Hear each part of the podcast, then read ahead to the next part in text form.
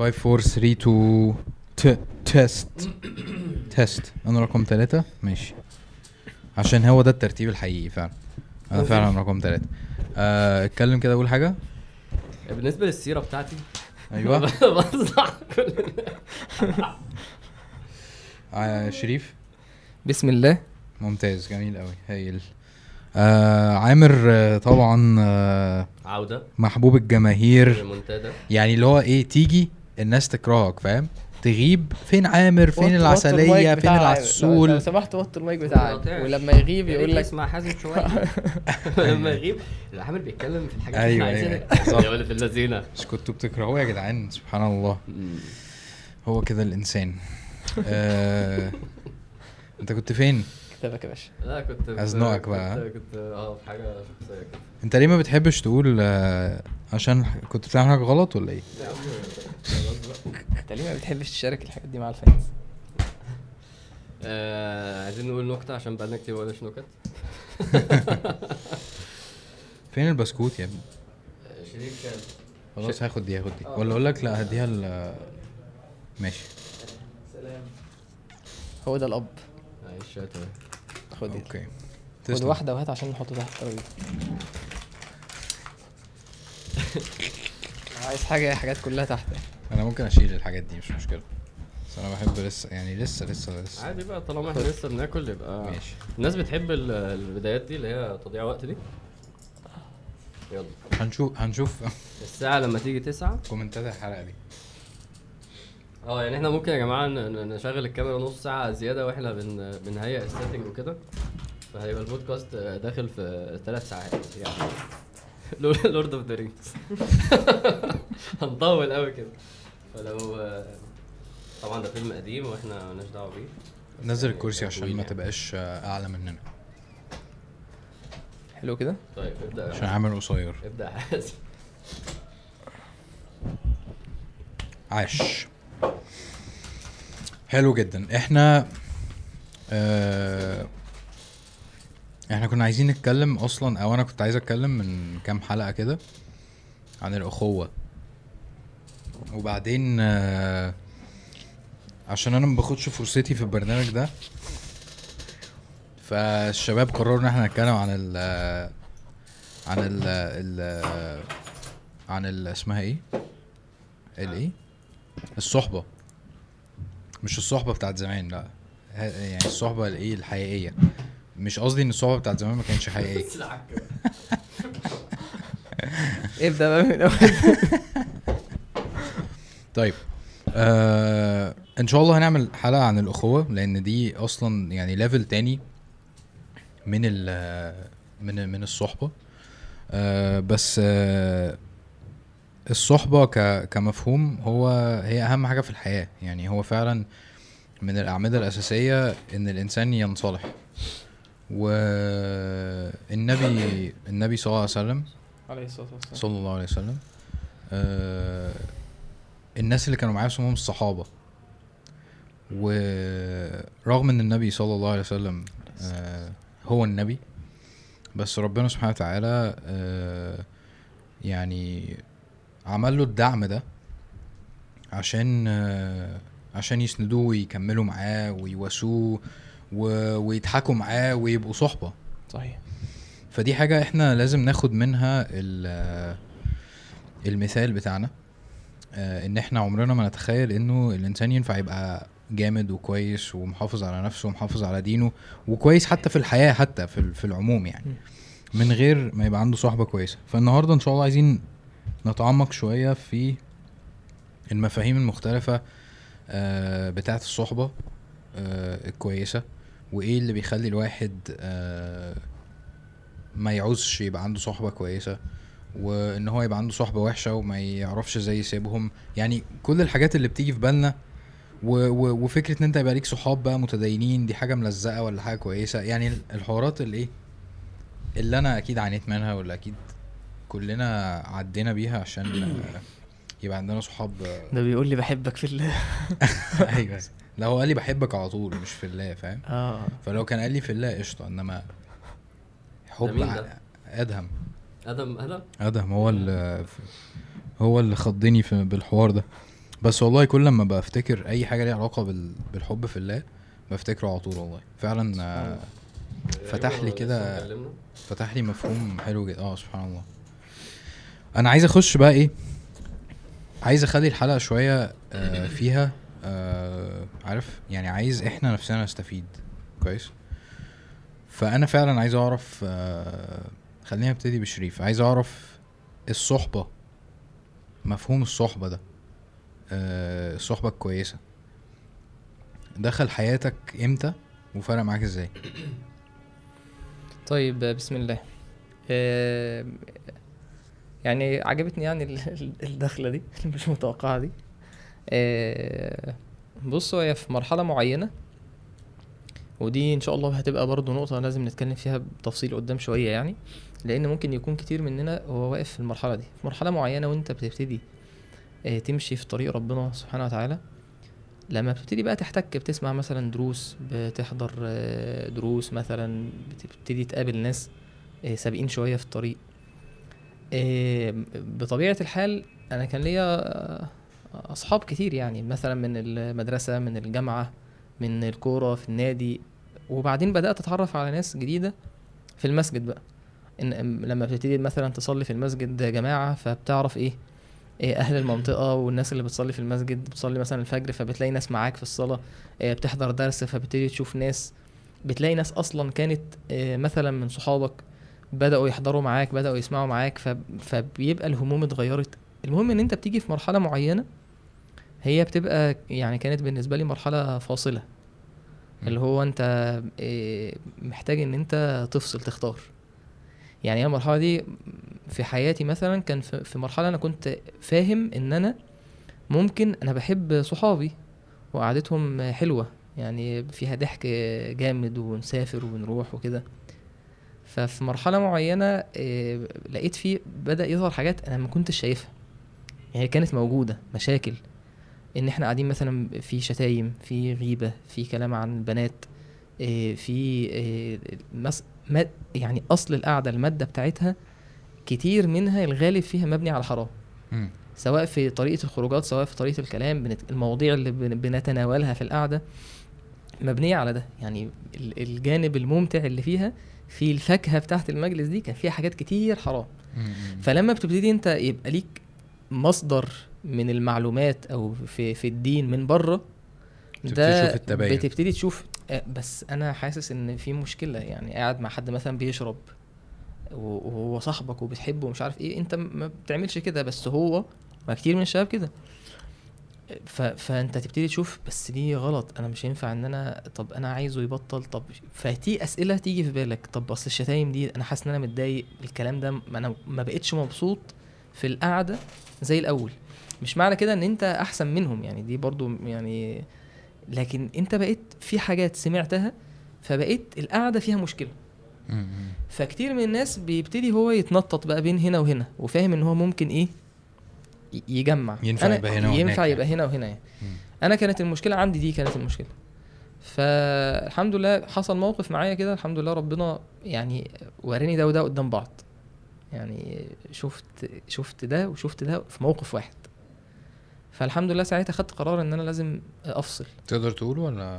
آه، لا عادي ممكن بقى شوية يعني قدام يعني مش عايز يعني مش عايز برضو دي مقدمة فمش عايز إن إحنا إيه ندخل نستغرق في التفاصيل فيها.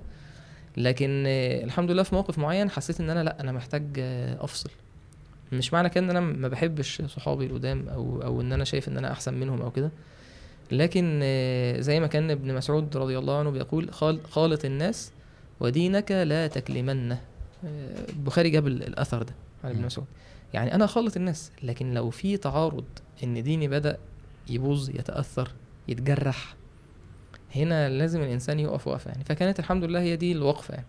فبدأت بقى إيه يعني واحدة واحدة كده. إيه كان مثلا بعد النادي في خروجات معينة فاللي هو إيه ال- القهوة ال PlayStation مش القعدات دي. فبدأت الحمد لله إن أنا أخرج. كنت متصور إن أنت لما هتسيب ده ان إن الدنيا هتقف عليك وإن الناس هتبقى يعني يعني عادي يعني بتكتشف إن. يعني مفيش مشكلة أصلا محدش محدش حاسس بحاجة يعني. يعني أنت بتبقى متخيل إن صحابي ومش عارف إيه لأ عادي يعني يعني عادي عدى الموضوع شوية وخلاص بقى أصلا كده كده الدنيا مع الوقت يعني بتفرق بين الناس وبين بعض يعني على حاجات كتير. يعني انت ممكن تفرق في شغل تتفرق في دراسة تتفرق في انت سافرت تشتغل في مكان وصاحبك في مكان. ف... فلو هتفرق ما تفرق على ديني بقى. يعني لو أنا لو الدنيا كده كده بتفرق أنا خلاص أخلي الدين بالنسبة لي معيار. وأقرب وأبعد على أساسه. نايس. آه طيب أنا عايز أسألك لأن دي برضو حاجة آه يعني علامة استفهام عندي شوية. أنت يعني كان عندك صحاب كتير يعني بتعملوا حاجات مع بعض وحاجات يعني إيه آه غير اللي انت. خلينا نقول غير اللي انت بتعمله دلوقتي. فأنا أنا عايز أعرف إزاي قدرت إن أنت يبقى عندك صحاب كويسين من غير ما تحس إن الصحاب الكويسين دول آه، عارف بقى إيه ومتدينين بقى وفاكس والصحاب القدام أجمد وفاهم يعني الجمدان اللي أنت كنت متخيله versus الناس اللي فاهم وحياتكم مملة والحوارات دي فاهم؟ بص هي ال- هي ال- هي الشبهة دي من بره بس. يعني يعني الشيطان ده التصور ال- المبدئي عن ال عن الصحبة الصالحة. إن هي إن هم ناس ليم. وغلبانين و- وبيتكلموا لغة عربية. ممكن بقى تخش أفورة بقى إن هم ما بيلبسوش غير جلاليب وما بيتكلموش غير لغة عربية. يعني تصور سطحي قوي وساذج قوي. حلو. بس أنا و و وكان وكان تصوري زمان إنه هما كده ولا كده مش واخدين الدنيا فاهم؟ وحياتهم يعني وكآبة وكده. بس هم هيخشوا الجنة. يعني أنا كنت يعني دول اللي هيخشوا الجنة.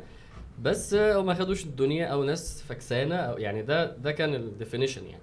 التصور ده بيتغير أول ما بتقعد مع الناس دي. يعني هو مش محتاج أيام هو مش محتاج هو بس أنت بتقعد مع الشخص. أصل هو في الآخر مين اللي التزم ما هو أنا أنا نفسي أنا اللي التزم يعني هو نفس الشخص قبل يعني الفرق مثلا أنا هشتم مش هشتم بس هو كشخص هو نفس الشخص. يعني نفس الدماغ يعني مش مش مخلوق تاني أو جايين من كوكب تاني. لا هو نفس الإنسان بس بقرارات آه. مختلفة. أيوه. على فكرة ممكن يبقى حد مش ملتزم ومثلا فترة من حياته كان زي مثلا إيه آه بياكل أكل بايظ وبيشرب سجاير وكذا وبعد فترة أنا قررت أبقى إنسان أحسن وبدأ يعني فاهمين قصدي؟ هو خد قرارات الالتزام بس مش لربنا. إيه. آه. أيوه أيوه. يعني أنا عندي واحد صاحبي كده كان زمان ضايع تماما. أنا لسه شايفه قريب لأن هو أصلا في أمريكا. آه بقى يلعب رياضة وبطل سجاير وما بقاش يشرب وبقى ماشي. فهو هو أصلا عمل إيه؟ هو هو التزم بس بس بس مش لله فاهمين قصدي؟ خد أيوة. القرارات بس عشان صحته وكده. الخلاصة إيه؟ أنا بضحك عشان أنت كل لسه قبل ما نبتدي أنت بتقول أنا كل ما أتكلم على حد يجي بعد الحلقة يقول لي أنت اتكلمت آه، لا عليا. بس ده مش هيتفرج ده مش هيتفرج. كل مرة بتقول كده. لا ده مش هيتفرج. آه، اللي أنا اللي أنا بقى قصدي. مراتي مش هتشوف الحتة دي. تلاقي واحد جاي بالدقيقة. آه. يا جماعة الحتة دي جامدة قوي اتفرجوا أيوة. عليها. اللي أنا بكلمكم عنه ده يعني ده من من, من, يعني من أكتر اتنين بحبهم في الدنيا. اتنين. أنا قصدي أقول اتنين عشان في واحد مفيش مفيش حد فوقيه يعني. إن شاء الله. بس بس بحبه جدا. وهو كل سنة أشوفه يعني يجي مصر مره فكل مرة كان المهم اللي عايز أقوله إيه هو عمل ال transformation بس هو نفس الشخص. أيوه أيوه يعني أيوة. هو أحمد هو أحمد بيحب نفس الحاجات و- هو نفس البني. بنفس الدماغ عايز أتبسط يلا نلعب فأنا لما اتيسر لي في الجامعة فكرة إنه في مسجد وبينزلوا يصلوا فنزلت أصلي فكل الملتزمين ينزلوا يصلوا فتعرفت على الشباب فلقيته شاب عادي جدا زي وساكن في المهندسين عادي إنسان طبيعي وبيتكلم عربي عادي بإنجليزي مكسر إنسان طبيعي وبيلبس تيشيرت عادي. وبيروح يلعب كورة و... بس مفلتر اللي هي القرارات دي ف مفلتر القرارات. مف...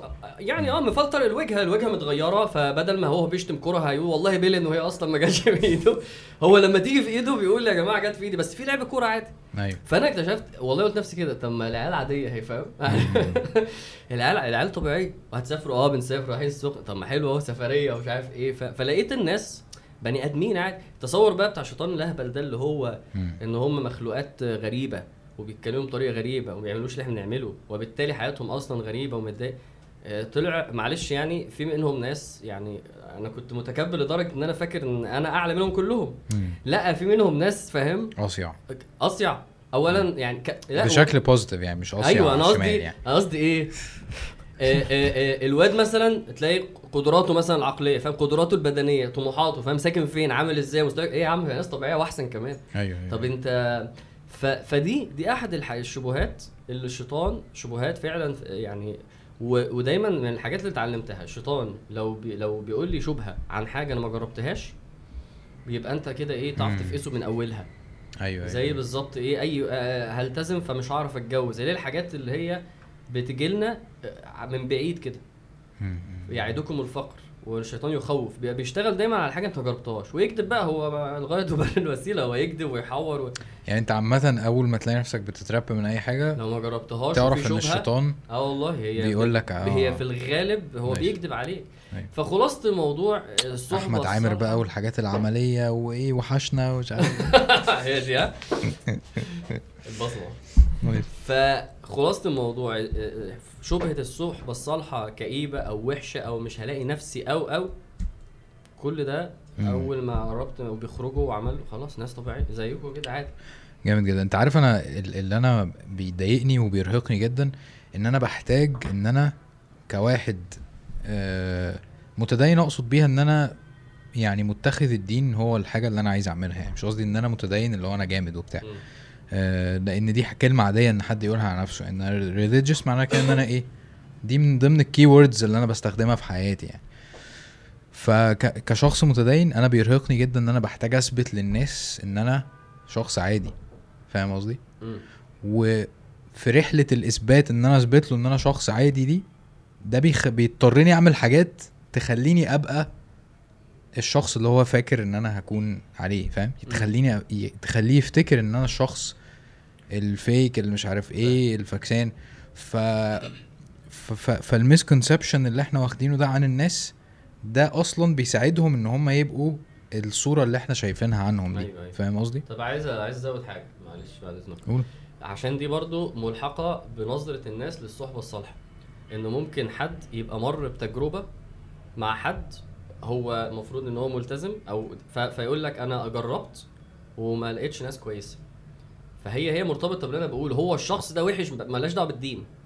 يعني أو أو أو ما يناسبكش ملهاش دعوة بالدين. ففكرة إن أنا أبقى جربت وبعدين ساعات التجارب بتبقى غير منطقية. يعني أنا فاكر برضو آه، يعني مثلا ممكن حد واحدة مثلا تروح دار مثلا فتروح درس فالدرس فيه مع أمها وصحبات أمها اللي هم خمسينات. فهي يعني ما تلاقيش نفسها في صحبة صالحة. طب ما طبيعي ما انت ما ينفعش ال best friend بتاعتك تبقى أكبر منك ب 40 سنة. يعني okay. يعني في ففي تجارب. إما إن هي بدأت بطريقة غلط أو إنه الشخص نفسه فيه مشكلة. زي بالظبط هو من غير الدين هو فيه مشكلة.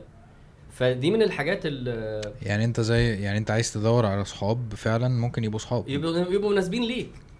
إنه الحاجة الثالثه هو آه أنتوا أنا دي يعني برضو أجزم بيها إنه اللي اللي, اللي بيعيش دين صح بيبقى صاحب أحسن من غير يعني من لو هو كان من غير دين. لأنه يعني أنا أنا نفسي أنا بالنسبة لي ممكن في وقت معين أنت حاجة على إيه قول لي قول لي. كم؟ لا عادي قاطعني قاطعني مرة. وصل لك اللي عايز اقوله أيوه. طيب. وص- وصل لك أنت اللي أنت عايز تقوله؟ أنت عايز تقول كده صح؟ إيه اللي أنا عايز أقوله؟ مش هتكلم أنا دلوقتي ما بتكلمش علينا بتكلم على أيوة، نفسي أيوة. كويس. عشان إحنا مش صحاب أصلا. أيوه. أيوه. أنا بتكلم على نفس الشخص. أنا عايز بس ممكن أدخل آه. الناس على الحوار يعني عايز الناس تفهم أنا مش فاهم إحنا والله. بنضحك ليه. آه أقسم بالله لسه فاهم. لا دي الأخوة. إحنا لسه في الصحاب دلوقتي. أيوه كلامك صح جدا. والله العظيم كلامك صح جدا. بس يعني طب قول هو قصده إيه؟ أيوه هو هو منطبق عليها بالعكس. بس هو أيوة. كلامه صح جدا. خلينا ندي مثال وبعد كده نشوف إيه. خليها في حلقه الأخوة معلش عشان بس ما نطلعش من الموضوع. لا لا عادي والله. يعني خليني أقولها طب في حاجة أنا ممكن أعملها. قبل ال- قبل الالتزام أنا ماشي. ممكن يبقى مثلا بقول لك إيه الواد شريف معاه عربية 4 باي 4 فعايزين نستغله عشان نطلع سفرية. أنا ممكن أنا أنا نفسي أنت كنت آه، كده. يا عم إحنا كده ما تحورش فاهم؟ لا أنت ما أعرفش. طب أنا كنت كده في دي وأنت كنت كده في غيرها. ليه؟ لأن مبادئك كانت مختلفة. أوكي. مبادئك كانت نفسي نفسي. المتعة والمش عارف نفسي إيه نفسي. ده الطبيعي. ماشي. ف... وفي واحد بنطلعه المسرح عشان نتبسط شهوة كده إن هو يجي وأقعد أتريق عليه وأفحته. عشان دلوقتي أقدر أعمل كده ما أقدرش. ليه في دي بقى يعني في حاجات تانية لسه ماشي في دي ليه لأن أنا. متربي على مبادئ في قيم تانية بالظبط. فده ده ده ده بيحسن علاقتنا مم. فأنا بالنسبة لي الإنسان اللي هو فعلا عايش دين صح وفاهم دين صح اللي هي الصحبة الصالحة أنفع لك وأحسن لك مليون مرة من من غيرها في آه، الدنيا آه. ك... هو ك... كنفع عليك طبعاً. أصلا بعيدا طبعاً عن كعلاقة آه. صحية ك واحد واحد واحد اتربى على إنه الصح إن أنا آه، فاهم اسال عليك وأساعدك واعاملك صح، كويس صح. وما أذيكش أنت متخيل إن إحنا دلوقتي ما ما- مش بنخض بعض عشان النبي عليه الصلاة والسلام قال لنا بلاش. نخض بعض وقبل كده كان لو أنت نايم في السفرية أحط لك الخمور من روع أيوه مؤمناً. روعه مسلمه. أحط لك الخمور صح يعني لو ما عملتهاش دي برضه لا لا لا، يقول لك في الحديث من من أشار إلى أخيه حديدة. بس بيشاور له يعني بيهوشه بس كده. حتى لو بيهزر. دل- دلوقتي لعنته الملائكة. يا. أيوه آه. أنت دلوقتي يعني العادي إن واحد معاه كلب واحد بيخاف من الكلاب زيي فكان يطلع فاهم عيني عشان هو معاه كلب وأنا بخاف. طب ليه يا ابني كده؟ ما إحنا أصحاب. أيوه ما إحنا أصحاب حاجة وإن أنا أخلاقي كده حاجة إنما دلوقتي لا مش طبيعي. ف... ف... ف... فأنا برد دلوقتي على الشبهة فاهم بإيه؟ جميلة جدا. بدبل كيك. إنه أيوه. إنه الموضوع بالعكس الصحبة الصالحه أحسن. بس خلاص. حلو. جامد. طب بقى إحنا انت انت قاعد تسألنا. قول انت بقى إيه يعني؟ إيه السؤال؟ السؤال نفس السؤال اللي سالته لنا لا ما بحبش اللعبة دي. لا يعني, يعني الف انت- سؤال تاني. لا. بجد بجد. آه الصحبة فرق فرقت معايا في إيه قصدك ولا؟ آه يعني انت إيه مفهومك أصلا عن الصحبة؟ يعني أنا فرقت معاك. أصل دي- نقطة مهمة برضو. يعني انت وانت بتقول الصحبة الصالحة أو يعني انت عايز توصل إيه من الصحبة دي؟ يعني إيه تعريفك ليها؟ شايفها إزاي؟ وفرقت معاك إزاي؟ آه بص أنا يعني مش مش فاكر إن أنا كان عندي صحاب آه آه صحاب سوء. مفسدين يعني. آه يعني بس يعني ممكن كان يبقى فيه دايرة مثلا كنت بقعد معاهم ومش عارف إيه بس في نفس الوقت ده كان في ناس كويسة عارف؟ فأنا حاسس إنه يعني أنا أنا ما كانش عندي آه عارف في ناس بت بتحب تقعد في وسط ناس فكسانه عشان تحس إن هي أحسن عارف؟ فربنا كرمني إن أنا ما كانش عندي الإحساس ده ما كانش عندي ما كنتش بحس إن أنا لازم أقعد مع ناس مثلا بتشرب عشان أنا أحس إن أنا ما بشربش فأنا أحسن منهم فاهم قصدي؟ فده كرم من ربنا تام يعني اللي هو لله. ربنا كان حافظني بس فاهم؟ الحمد لله. آه بس جه جه جه في وقت الناس اللي أنا كنت بهانج اوت معاهم يعني هم بقوا أحسن عارف؟ هم هم اللي هو إيه ربوا دقونهم بجد و ومساجد وحوارات وبتاع اللي هو يا جدعان ما إحنا مسلمين عادي يعني اللي هو أنتوا ليه بت بتزايدوا علينا ليه فاهم يعني اللي هو؟ أنا فاكر فعلا مناقشة حقيقية اللي هو طب يعني يعني اللي هو صاحبي راح رجع تاني متدين وواحد تاني كان معانا كان متدين فهم تكاتفوا بقى اللي هو. إحنا مع بعض والباقي يعني كنا بنشغل- مزيكا في العربية. وكان في واحد بيقعد معانا هو ملتحي. وأحمد سليمان يعني في ناس كتير عارفاه يعني. كان بيقبل بده عشان هو هو ضعيف فاهم؟ مش هي- هيعمل إيه فاهم؟ ماشي. فأحمد محسن. راح سفرية كده ورجع تاني بقى متدين. حاول آه. فما بنبقاش بنشغل مزيكا في العربية؟ آه خلاص اتنين. اتنين ضد اتنين. تقلت كده. بالظبط فاهم؟ فاللي هو يا جدعان أنتوا عايزين مني إيه؟ يعني اللي هو إحنا بنصلي ماشي؟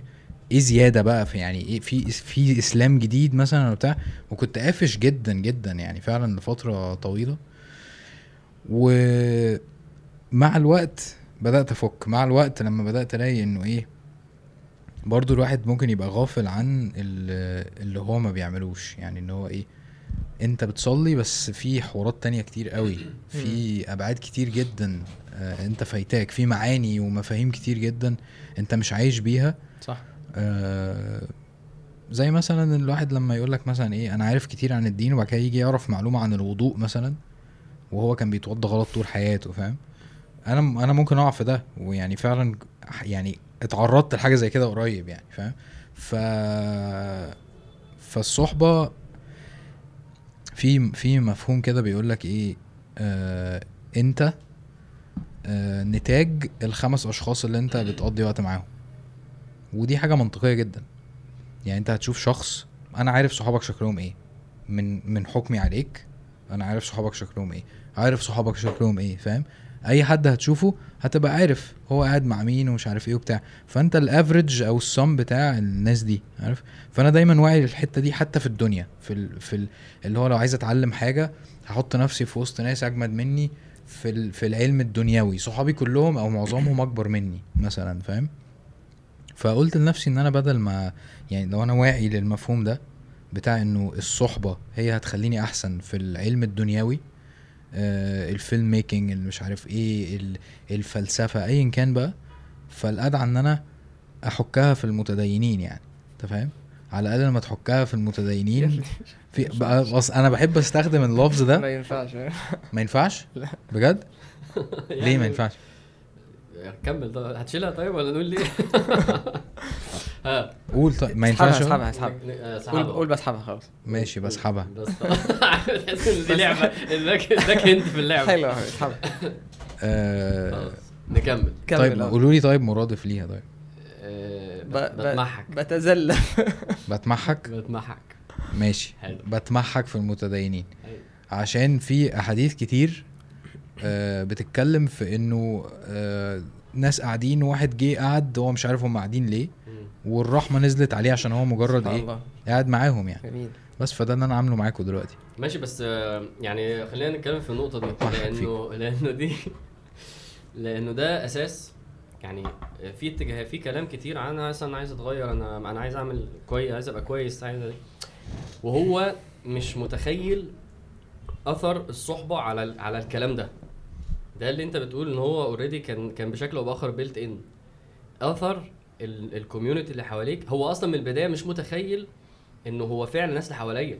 يعني بيأثروا عليا وليهم دور في ده ولا لأ.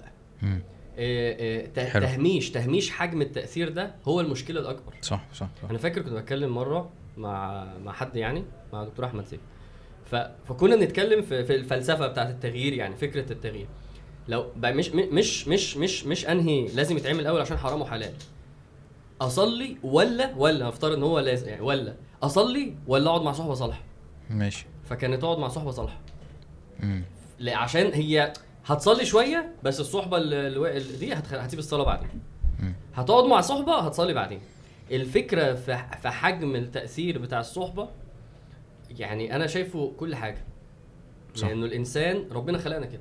صح. بيتاثر وهيأثر في اللي حواليه مفيش ال- المغيب بقى عن المعنى ده اللي فاكر نفسه أجمد من هو أو بيكابر عن إنه أنا مش يا باشا أنت أصلا أنت ما أنت أنت اللي أنت عامل عليه دلوقتي ده أنت ده عبارة عن احتكاكك. بال community اللي حواليك. طبعا طبعا طبعا. كل أفكارك كل ك... وبعدين باين أصلا هتلاقي الطريقة واحدة والافات واحدة واللبس واحد والأماكن اللي بتروح واحدة. وتعالى نعمل survey كده عن مثلا تصورات الناس دي مثلا عن البنات وعن النجاح هتلاقيها واحدة هتلاقيها واحدة. ففكرة إن هو يبقى مدرك إنه أنا أنت عارف عارف اللي بيعوم ضد ال- ال- التيار مش هتعرف. صح. مش هتعرف. مش هتعرف صح آه وش؟ آه الكلام بقى في الشرع في الحتة دي مستفيض جدا في مم. أثر الناس على بعض. مم. وقول سيدنا عمر كل لمن صاحبك أقول لك من أنت واصبر نفسك مع الذين يدعون ربهم. وطبعا الحديث بتاع إيه الجليس الصالح والجليس السوء كلام كتير عن الإنسان بيأثر على اللي جنبه. جميل جدا. فأنت كده اوتوماتيكلي متأثر باللي حواليك. صح فانت فأنت عايز تصلح دينك. انت عايز بس تأكد على المفهوم ده اللي هو يا جدعان فككوا انت اصحابك هم اللي, اللي, اللي مش مدرك آه اللي مش. مدرك إنه ده أساس ومش هتتغير مش هتعرف تتغير وأنت حواليك مؤثرات negative آه، ده كده بيلعب خلاص. مم. طب معلش هو في هي فكرة برضو إيه؟ أنا كنت هتقول حاجة؟ لا أنا أنا عايز نخش في هل الشرع بيأيد الكلام ده؟ ده ده سؤال. في حتة في حتة لو هي خارج برضو ال- ال- ال scope بتاع الحلقة ممكن تقولي بس هي فكرة إن هو في ناس أصلا بتحس إن هي مش محتاجة تتغير أصلا فاهم؟ زي ما أنا كنت بقول لك أنا قاعد مع ناس إحنا بنصلي عادي أيوه أيوه. فاهم قصدي؟ فاللي هو طب إيه إيه يعني في دين تالت؟ يعني في حاجة تانية ولا إيه الفرق بين اللي أنا فيه واللي أنتوا عايزين عايزين نروح فيه فاهم؟ ماشي ما أنت أنت كنت كده عشان ال- ال- ال- اللي حواليا دي الفكرة المترسخة فينا إن حلو. إحنا كويسين وإن إحنا طبيعيين. لما جه حد من بره مش حاسس بالمشكلة وصل لك آه وصل لك إنه على فكرة في غير كده. والمفهوم اللي أنتوا فيه غلط هو نفسه أثر عليك بالمفهوم اللي هو عايشه. فأصبحت انت تبص وتفكر في المفهوم نفسه. يعني انت مش عايز مش حاسس إنك عايز تتغير عشان اللي حواليك مش عايزين عايزين يتغيروا. محسسينك إن اللي انت عادي. فيه ده أصلا كويس. بالظبط. بالظبط آه هي تمام. نفس الفكرة. حلو قوي ف قول لنا كده. عارف. آه، يعني وأنت بتقول إن ده في الإنسان طبيعة الإنسان إن هو بيتأثر بالناس اللي حواليه. والمعنى اللي أنت قلته اللي هو الخمسة اللي حواليه وكده. وده كان واضح في حديث النبي عليه الصلاة والسلام لما قال ال- الرجل أو المرء على دين خليله. فلينظر أحدكم من يخالل. المرء على دين خليله يعني أنت فعلا بتتأثر بالناس اللي حواليك مش بس الإنسان. يعني من ال من ال من الكلام العجيب كنت بسأل هو هو سمعت حد قبل كده من المشايخ بيقول في حديث في أثر الصحبة فاستدل بمعنى غريب جدا بخصوص ال- الحجر الأسود. يعني مش بس. الإنسان اللي بيتأثر حتى الجماد.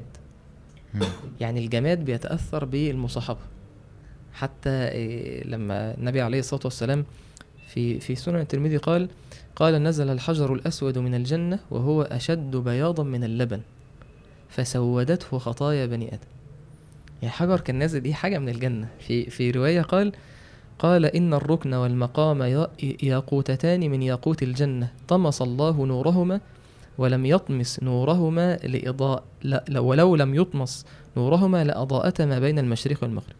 وقال في رواية قال الحجر الأسود من الجنة وكان أشد بياضا من الثلج حتى سودته خطايا أهل الشرك. يعني حجر نازل من الجنة أبيض وأشد بياضا من من اللبن وفي رواية من الثلج ال- اللي سودته خطايا أهل الشرك سودته خطايا بني آدم. فده حجر تأثر يعني حتى مش بس كده في الحديث العجيب لما النبي عليه الصلاة والسلام كان آه، هو كان ال- ال- ال- العمدان اللي في مسجد النبي عليه الصلاة والسلام كانت من آه، جذوع النخل. يعني آه، الجذع بتاع النخل هو مكان العمود. فالنبي عليه الصلاة والسلام وهو بيخطب كان بيتكئ. يعني في يعني عمود كده اللي هو جذع النخل ده جنب النبي عليه الصلاة والسلام.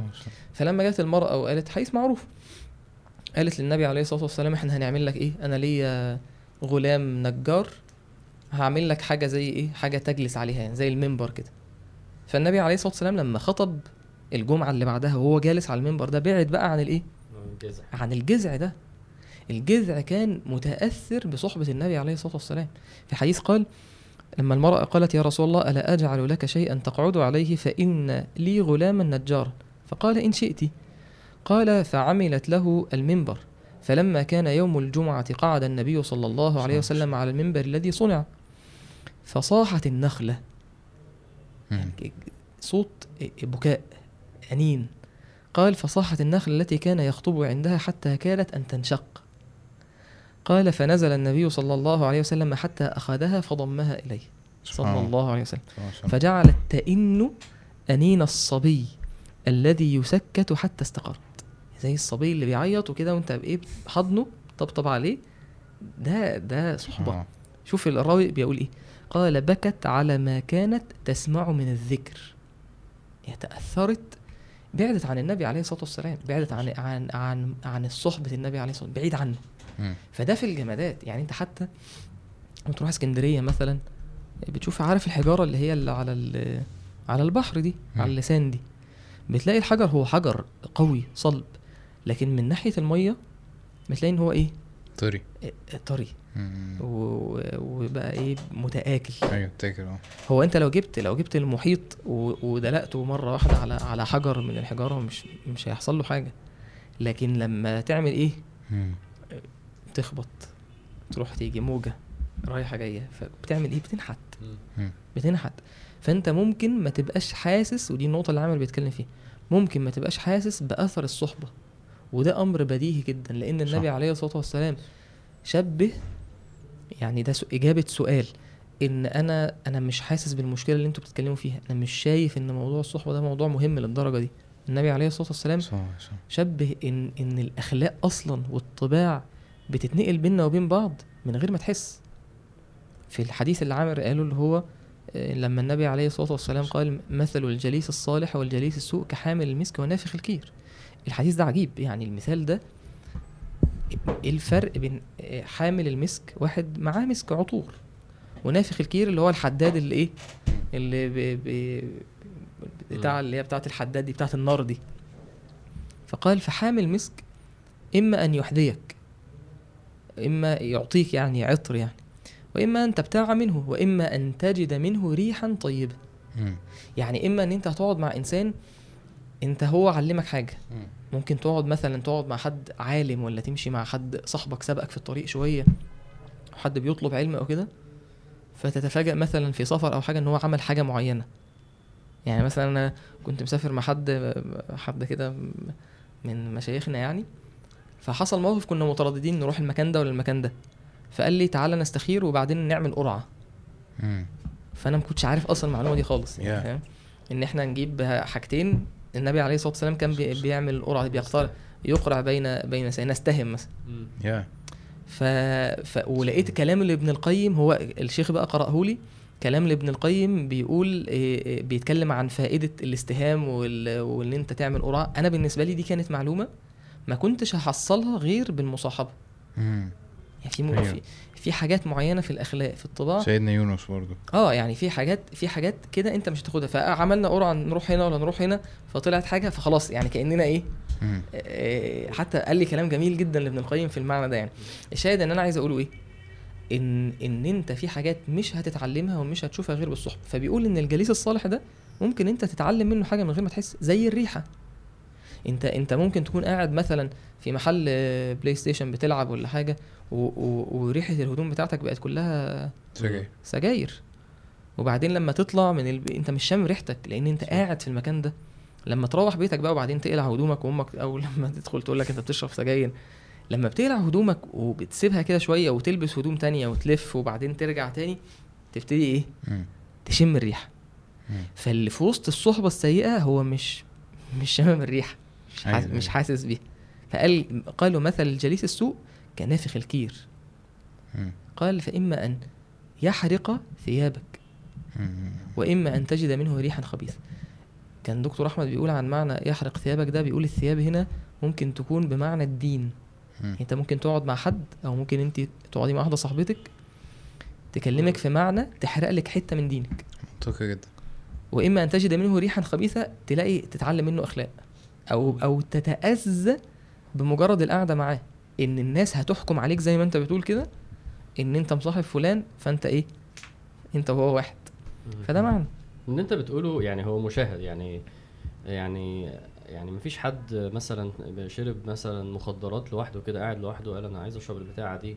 ونزل وقال أما أجيبها وأشوف بيعمل مفيش حاجة اسمها كده آه البنات تقلع الحجاب عادة تسلسل الأفكار قاعدة عادات عمالين يتكلموا محدش فيهم لابس كلهم قلعوا كلهم قاعدين فشوية شوية بتضغط عليها ف يعني ما يعني معروفة مفيش حد. راح درس يعني مفيش حد فكر كده قال إيه أنا أنا غالبا هروح درس بكرة غالبا هيبقى في درس الساعة 8 في الشقة الفلانية هروح ما فيش حاجة كده في واحد كل كل حاجة لازم ناس لازم بالظبط. كده لازم يبقى واحد قال لك ونفس الكلام لو إحنا بنتكلم على تأثير الإنسان على الإنسان نفس الكلام. ال- الواحد اتحمس شوية على الجيم فراح قعد مع بتوع الجيم فمفيش حد مفيش حاجة يعني غالبا غالبا اللي بيعمل حاجة طالعة لوحده دي بريت ب... شوية. طيب ممكن ترفع ال- ال- البتاعة معلش ممكن تديني تليفوني عايز أدور على حاجة بس على إيه اللي غالبا اللي غالبا خد انيشيتيف مع نفسه في حاجة بيبقى قرار محدود جدا في حاجة محدودة جدا إنما أغلب الحاجات اللي هتحصل لك هتبقى عبارة عن احتكاكك بالناس سواء بقى على الحلو وعلى الوحش عشان بس الناس تحسبها على ناحيتين. حلو كده؟ حلو لسه. جاي لي لسه وأنا بفتح التليفون زياد عارف زياد علاء الدين? آه وقع وهو بيلعب باسكت ووشه عنده كسر في وشه. ربنا-. يعافيه ربنا. الله يشفيه يشفيه سبحان الله. شفت؟ خلاص. طيب نكمل يا حازم ولا تحب نكلمه؟ لا لا, لا معرفش أكيد هو هو هيعمل عملية وبتاع. أكيد هو يا يلا خير. ممكن نبقى نزوره إن شاء الله. طيب خير. الحمد لله. أوكي كمل معلش أه لا الحتة اللي أنا نفسي بقى ندركها فعلا هو طيب واحد عاش مع أه صحبة صالحة ودينه انصلح أو واحد عاش مع ناس جدعان ولزاز وبيهزروا كذا بس دينه أه فسد. ومن الحاجة بس كنت عايز أقولها من كلام آه، آه، تعقيبا على كلام شريف هي جملة واحدة. هو إنه اللي مش مدرك الكلام ده مضطر مضطر يصدق النبي صلى الله عليه وسلم لأن أنا اللي مش فاهم. يعني أنا اللي مش فاهم. النبي عليه الصلاه والسلام هو اللي صح.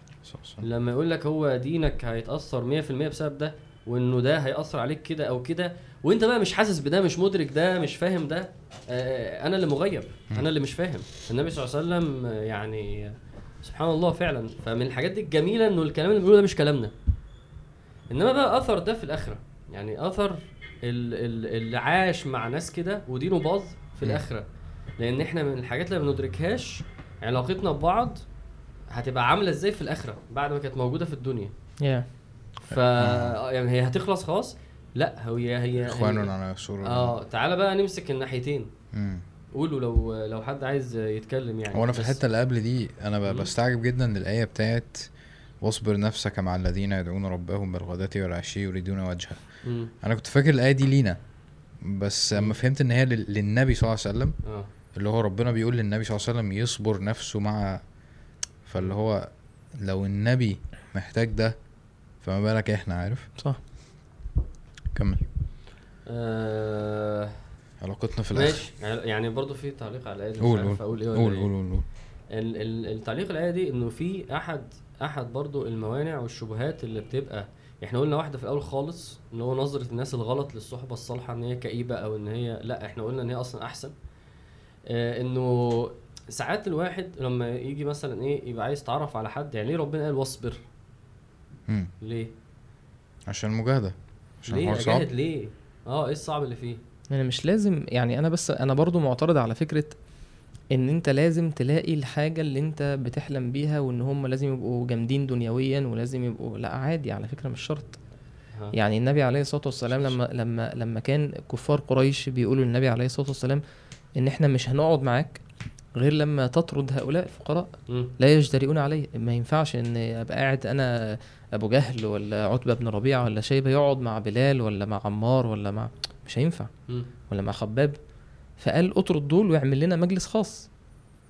ف... فالنبي عليه الصلاة والسلام وقع في نفسه ما وقع. ف... فنزلت الآية ولا تطرد الذين يدعون ربهم بالغداة والعشي يريدون وجهه. واصبر نفسك مع الذين يدعون ربهم بالغداة والعشي. فبرضه فكرة مفهوم إن أنا لازم إن أنا أبقى لما هسيب صحابي هروح بقى لناس تانيين حلوين جدا ولذاذ جدا وعلى هوايا جدا و... أيوة. عشان كده أنا كنت عايز أرجع لنقطة. تعريف الص- الصحبة أيوة. الصالحة إيه؟ حلو. يعني أوكي. أنت عاي... يعني أنا أنت, أنا أنت ده اللي عايز إيه؟ فيه فكمل. فبقى لا أنا أنا بس حبيت إن أنا أعلق وأنا فاهم أنت هت- هتدخل في النقطة دي. نفس الكلام آه. فيدخل بقى فيها فهم يعني فهمنا يعني لا قول أنت. ظبط الحتة دي. قول أنت وبعد كده أنا هقول اللي أنا عايزه. يعني أنا فاهم يعني إيه ال- الصحبة الصالحة؟ اللي, اللي أنا فاهمه اللي أنا فاهمه من الصحبة إن أنا الصحبة فيها درجات. أنا هدفي إيه من الصحبة؟ هدفي إن أنا زي ما أنت قلت إنه أنا ماشي في الطريق لوحدي الطريق بيبقى صعب جدا. والنبي عليه الصلاة والسلام علمنا إن الشيطان بيأكل زي ما قال النبي صلى الله عليه وسلم إنما يأكل الذئب من الغنم القاسية أو من الشاة القاسية. فالشيطان دايما بيستفرد بيك بيفترسك وأنت يعني إيه لوحدك. معلش؟ يعني يعني, يعني عرف بس. الذئب لما بيجي يهجم على قطيع الغنم بيشوف أي الغنمة اللي هي إيه؟ لوحدها. اللي سرحانة لوحدها مع نفسها دي. فالشيطان بيعمل معاك كده. يعني فكرة إن أنت تقول أنا هبقى لوحدي ده برضه مش حل. هو ممكن ينفع في مرحلة معينة لكن أنا علشان أزيد أنا محتاج بيئة محتاج صحبة حواليا. مظبوط. محتاج ده.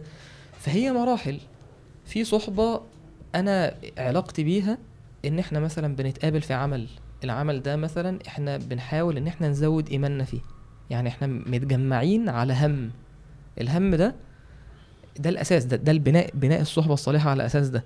إن إحنا بنجتمع على أعمال صالحة إيه سواء مثلا مقرأة سواء بنشجع بعض نصحي بعض الفجر سواء بنحفظ قرآن مع بعض سواء ب... أيا كان درس. فبنجتمع على طاعة. كويس؟ ممكن الناس دي تبقى في فرق في تفاوت بيني وبينهم مادي اجتماعي. أنا ما عنديش مشكلة إحنا أصلا مش متجمعين على المعايير دي. يعني الصحابة كان كان النبي عليه الصلاة والسلام لما لما الراجل جاله وفي بداية الدعوة ف فبيقول له فمن معك على هذا؟ لما قال ما, ما أنت ومن أنت؟ قال نبي. فلما قال له مين معك على ده؟ قال حر وعبد. فالراوي بيقول إيه؟ أنت في السيرة. كان معاه يومها إيه؟ سيدنا بلال وسيدنا أبو بكر. يعني الاثنين قاعدين جنبه. فالتفاوت الطبقي الاجتماعي ده مش هيبقى عندي فيه مشكلة لأن أنا محتاج أصبر علشان ده. ممكن يبقى أقل منك ماديا ممكن أقل منك تعليميا. لكن انت مصاحبه مش علشان دنيا انت مصاحبه علشان إيماننا يزيد. كويس؟ دي. مرحلة أولى. أنا مش مش معنى الكلام مش معنى الكلام إن ده أنا أنا بنفي الحتة اللي عامل بيتكلم فيها. اللي عامل بيتكلم فيها دي دي حاجة جميلة لو موجودة. يعني لو توفرت ليك ولقيت الصحبة اللي معاك في نفس المستوى وكانوا مثلا مش زيك زمان وبعدين بدأوا يلتزموا فحتى ممكن تلاقي إيه هم كانوا بيتفرجوا على أفلام زمان. فحافظين نفس إفيهات الأفلام فممكن تيجي تقول نفس الكلمة فتلاقيه هو فاهم اللي أنت بتقوله فيضحك معاك فتحس كده إيه؟ مشاعر حلوة إن إحنا كنا طبعا. مع بعض زمان زي والصحابة كانوا كده. يعني كانوا بيقعدوا مع النبي عليه الصلاة والسلام بيتذاكروا أيام الجاهلية والنبي عليه الصلاة والسلام يبتسم. فدي مشاعر حلوة إن آه أنا حاسس إن الشخص اللي معايا معايا على نفس الإيه. مفيش فرق بيني وبينه. دي الحتة اللي عامر بيتكلم فيها. لكن الأساس أصلا أنت عايز إيه؟ أنا. بنت مثلا عايز اصاحب واحدة حجابها كويس وبنت اخلاقها كويسة أتعلم منها الحياء أتعلم منها الحجاب نشجع بعض على الطاعة. ده الأساس. في بعد كده بقى إيه؟ بعد الأعمال. لا أنا عايز أعمل بقى بيئة. نخرج نتجمع إيه إيه إيه، أحاول إن أنا زي ما اتكلمنا في المعنى ده قبل كده. نخرج مع بعض خروجات. عادي. ودي نقطة برضو إن شاء الله لازم نتكلم فيها إن أحيانا بتبقى أنت مستوى ال- الترفيه عندك والمتعة مرتبط بحاجات في دماغك زي ما عامر بيقول وممكن تكون الحاجات دي آه، حرام. يعني أنت باني المتعة اللي في الخروجة على حاجة حرام. يعني إن إحنا مثلا هنبقى في النادي فاحنا قاعدين متجمعين أنا مش مستمتع بصحبتي ان إحنا كشباب قاعدين مع بعض بناكل مع بعض أو بنهزر أو بنتكلم. لا أنا مستمتع ان أنا في النادي ففي بنات فانا في حاجات معينة حوالين الموضوع. ففي دماغي ان إيه إن لو أنا خرجت خروجة ما فيهاش معصية إن أنا مش هستمتع. مم. لا أنا أحيانا لما سبحان الله لما ببطل الحاجات دي لله بتبتدي الحاجات التانية اللي هي بالنسبة لي ما كانتش ظريفة ما كانتش ممتعة عادي إن إحنا نخرج مع بعض ونهزر مع بعض ونضحك مفيش حاجة حرام. إيه، شباب مع بعض أو بنات مع بعض أو بنلعب كورة مع بعض. بقى في حاجات تانية أنا لقيت نفسي مبسوط فيها ما كنتش متخيل إن أنا هبقى مبسوط في ده. لأن أنا كنت رابط السعادة بالمعصية. فده اللي أنا عايز أقوله في النقطة دي. ماشي؟ أنا كده يعني أنا يعني مختلف معاك في ال- في النقطة دي ولا؟ بص هقول لك مش عارف أنا هقول وده هيبقى معرفش مختلفين ولا لأ بس حاسس إن إحنا إيه ممكن هنكمل بعض. إنه السلام إنه هنكمل بعض. يعني هي. اسمها صحبة وصالحة ماشي؟ حلو. يعني عشان نحاول نفصص التعريف شوية. صالحة ده اللي شريف بيقوله إن هي مبنية على إن إحنا نرضي ربنا في اللي هن... في اللي هنتصاحب عليه. حلو جدا. مبنية على يرضي ربنا. سواء كان مباح أو مستحب أو فرض. حلو. يعني في الآخر سواء كان هنروح درس مع بعض أو هنعمل قراءة مع بعض أو نروح نلعب كورة من غير ما نأذي بعض ومن غير ما نغضب ربنا. وده ده ده بيزود الإيمانيات برضو طبعا يعني طبعاً. حتى المباحات مع الصحبة كويسة ده ده جانب إيماني كويس. مظبوط. بس كلمة صحبة آه، معناها معناها أصحابي. معناها الناس اللي أنا مرتاح أقضي وقت معاهم. كويس. ف فبالتالي بالنسبة لي واصبر نفسك جاية في إنه على ما تبقوا صحاب. على ما تلاقي اللي هتبقى اصحاب صاحب معاهم. يعني الصحابة كانوا كده كانوا في أخوة الإسلام بس كان في آه، سالم مو- ومولى أبو حذيفة. وكان في سيدنا أبو بكر وسيدنا عمر وك... الصحابة كانوا كده. سلمان وأبو الدرداء. أيوه يعني أيوه صح. الصحابة كانوا كده. فأنت ال... أنا ليه بقول كده بقى؟ ليه بقول واصبر نفسك دي مهمة. لأن في واحد متوقع هو بيشوف النتيجة النهائية مثلا مثلا بتاعت إحنا الثلاثه فهو عايز ده دلوقتي حالا. بسرعة. يعني هو وعايزه من غير أي مجهود من غير من غير أي ابتلاء. هو مش مدرك إنه هي الصحبة في حد ذاتها أحد الابتلاءات. هو عايز يفتح الشباك يلاقي ثلاثة صحبة صالحة واقفين تحت وبينادوا له ماسكين يفط وعايز يروح فاهم كارفور أشتري صحبة وأمشي. هو بيدور على اليوتوبيا بتاعت ال... أنا عايز الشكل ده فاهم. عشان كده ال comments دي كده. كويس. كو- ال comments دي غلط. يعني ال comments دي لازم تفهم إنه الموضوع لا محتاج إن أنت اولا أنت محتاج تبني علاقات مع ناس. هيظهر منهم شوية كده زي ما النبي صلى الله عليه وسلم مسك سيدنا أبو بكر وعمر قال هكذا نبعث. دول صحابه. بالذات. مم. طيب وده هتوصل له إزاي؟ مش توصل له في يوم وليله هتصبر نفسك. هي دي بقى. تصبر نفسك ممكن يبقى معناها يعني أنا كنت مرة في في ايفنت وبتكلم مع وحد برضو مش هلاقي صحبة مش لاقي صحبة. فلا فلقيت نفسي يعني فكرة فكرة عبيطة جدا ماشي؟ قلت له طيب ماشي طلع موبايلك والخمسة اللي هنا والخمسة اللي هنا آه، قول لهم هاتوا نمركم وهتكلم وأنا هنتعرف على بعض هاتوا نمركم نتعرف على بعض. خلصت. و... و... و... وتعرفوا على بعض قول لهم تيجوا ننزل ندردش ونتعرف وبعد شوية إيه والله واحد فيهم عجبك واحد ما عجبكش عادي هتجرب خمسه تانيين بعد أنا فاكر إن أنا في آخر ال event سألته وهو ماشي قلت له أنت عملت كده؟ قال لي لأ. لأن هو هو هو عايز الصورة بتاعه الصحبة الدليفري دي أنا هطلب صحبة يجولي. يا عم لأ لازم تبذل فيها مجهود. يعني معلش إحنا ملتزمين مثلا أنا مثلا بقالي 10 سنين أنا وأنتم مش صحاب من 10 سنين. عادي يعني. ليه؟ لأنه هي مش ماشية كده. ففكرة واصبر نفسك دي بتخلي كلامنا بعد ما تفهم أهمية الصحبه وخطورة ال- الصحبة اللي مش صالحة وأثرها عليك ولسه عايزين نقوله في الآخرة. كويس إت- لو سمحت اتحرك في ده وممكن يبقى فهم إنه الصحبة الصالحة مش كئيبة والصحبة الصالحة حاجة كويسة و... طب ماشي. ممكن تتحرك في ده فهو بقى عايز يتحرك بالشكل اليوتوبيا. أنا عشان كده اصبر نفسك دي بتفرق معايا. لا. اتحرك بالشكل الواقعي. انزل المسجد وروح صلي في الجامعة ولا في البيت هتلاقي واحد حاول تتعرف عليه خد وقت معاه ممكن تركبوا على زي بعض زي زي أي ص- آه. صداقة في الدنيا يعني هي- أنت صداقة صح. الدنيا أنت علشان توصل مثلا في حاجة معينة في الدنيا في منصب معين ولا في مكان في شركة ولا تتعلم حاجة بتروح event مناسب بتتعب- لل بتتعب ليها. صح. أنا معاك بس الفكرة في فكرة اللي هي الصحوبية اللي هي عشان نبقى أصحاب هي اتبنت automatically عشان المدرسة دخلنا المدرسة فتعرفنا على بعض. فبقى عندي أصحاب وبقينا بقيت بتعرف على ناس جديدة بس وأنا مش عايز. يعني أنت بتخرج خروجة بتلاقي واحد تروح تلعب كورة بتلاقيه. فبتبقوا أصحاب من غير ما بتبذل فيها مجهود يعني فاهم؟ أيوه أيوه فهمت. المرة دي الموضوع لأ. أنت بص له كده وروح اتعرف عليه وقول له أنا عايز أتعرف عليك وأنت اسمك إيه و... أهلا يا أخي. في ناس بقى دي موانع يقول لك أنا بتحرج أنا بتكسف. ما هو أنت عايز دين. ما يعني شوف. شوفها كده. محتاج أوقفك هنا. وقفني. آه، أنا أنا عايز stress على أهمية الصحبة دي عشان أنا يعني استحضرت حاجة إنه الناس اللي أصلا ما بيبقوش مسلمين. آه وبعد كده بيدخلوا الإسلام هما بيسيبوا كل حاجة في حياتهم. وبعد كده بيلتحقوا ب group جديد ب activities جديدة خالص بحياة جديدة وفعلا بيسلموا بي وحياتهم بتتغير تماما كتير قوي من الناس اللي اللي بتسألهم أنت تدينت إمتى ولا بتاع هو بيقول لك قول لي أنا أسلمت إمتى. رغم إن هو مسلم مولود مسلم. ماشي. ف concept اللي هو أسلم إمتى ده آه، ده بيبقى في الأغلب مرتبط بوقت هو اتعرف فيه على حد والحد ده خد بإيده آه، لمكان كويس أو أو group أو حاجة زي كده. ف أنا أنا أنا شفت الموضوع بطريقة إنه دلوقتي الناس اللي مولودة مسلمين دلوقتي وحياتهم عادية إسلام عادي مثلا أو كده. خطوة إن أنت تلتحق بصحبة كويسة هي بمثابة إن أنت بتسلم فعلا يعني. مم. إن أنت مقتنع بالإسلام. أنت عادي متربي على الإسلام ومولود مسلم وبتاع. اقتنعت بالإسلام فأنت عايز تدخل في الإسلام دلوقتي عارف؟ عايز تعمل الحاجات اللي الناس ال- المتدينة بتعملها. عايز تبتدي تعرف عن النبي أكتر عايز تعرف الدين ده بيقول إيه عايز تعرف الناس بتخش الجنة إزاي عارف؟ عايز يتقال عليك متدين. يعني عايز انت تبقى انت الشخص اللي الناس بتبص له وتعوز تبقى صاحبه عشان يبقوا هم أحسن. فاهم قصدي؟ فهل المفهوم ده أنتوا موافقين عليه؟ فكرة إن الصحبة بتخليك بتنقلك. كأنك بتنقلك بتسلم طبعا. كأنك بتسلم فعلا. يعني خلينا نقول إن هي بتنقلك بتفتح لك آفاق طبعا. يعني ده الطبيعي لأنه زي هتقعد مع ناس بتوع دنيا هتفتح لك آفاق. أنت قاعد مع ناس واحد فيهم حافظ قرآن واحد فيهم بيطلب علم واحد فيهم بي- بيصلي بالناس في مش عارف إيه واحد في هي خلاص، ال- فتفتح لك الهموم آفاق. الهموم بتتنقل. آه يعني أنت ممكن تقعد زي ما عامر بيقول مع حد مثلا هو همه كله إن هو يبقى جامد جدا في حاجة معينة في الدنيا. إيه، فأنت بتشيل هموم يعني يعني ممكن أنا مثلا إيه لاحظت ده مثلا في نفسي مثلا. ممكن يا صاحب مثلا واحد صاحبي امشي معاه كتير زيادة مثلا. فهو بيحب الكورة قوي. فكل ما يقابلني هو بيحب الكورة قوي فبيتكلم عن الكورة كتير. وفلان اشتروه بكذا وده مش عارف إيه. فأنا حسيت إن أنا بعد فترة أيوه. إن أنا بقيت إيه عارف اولا أخبار كتير جدا.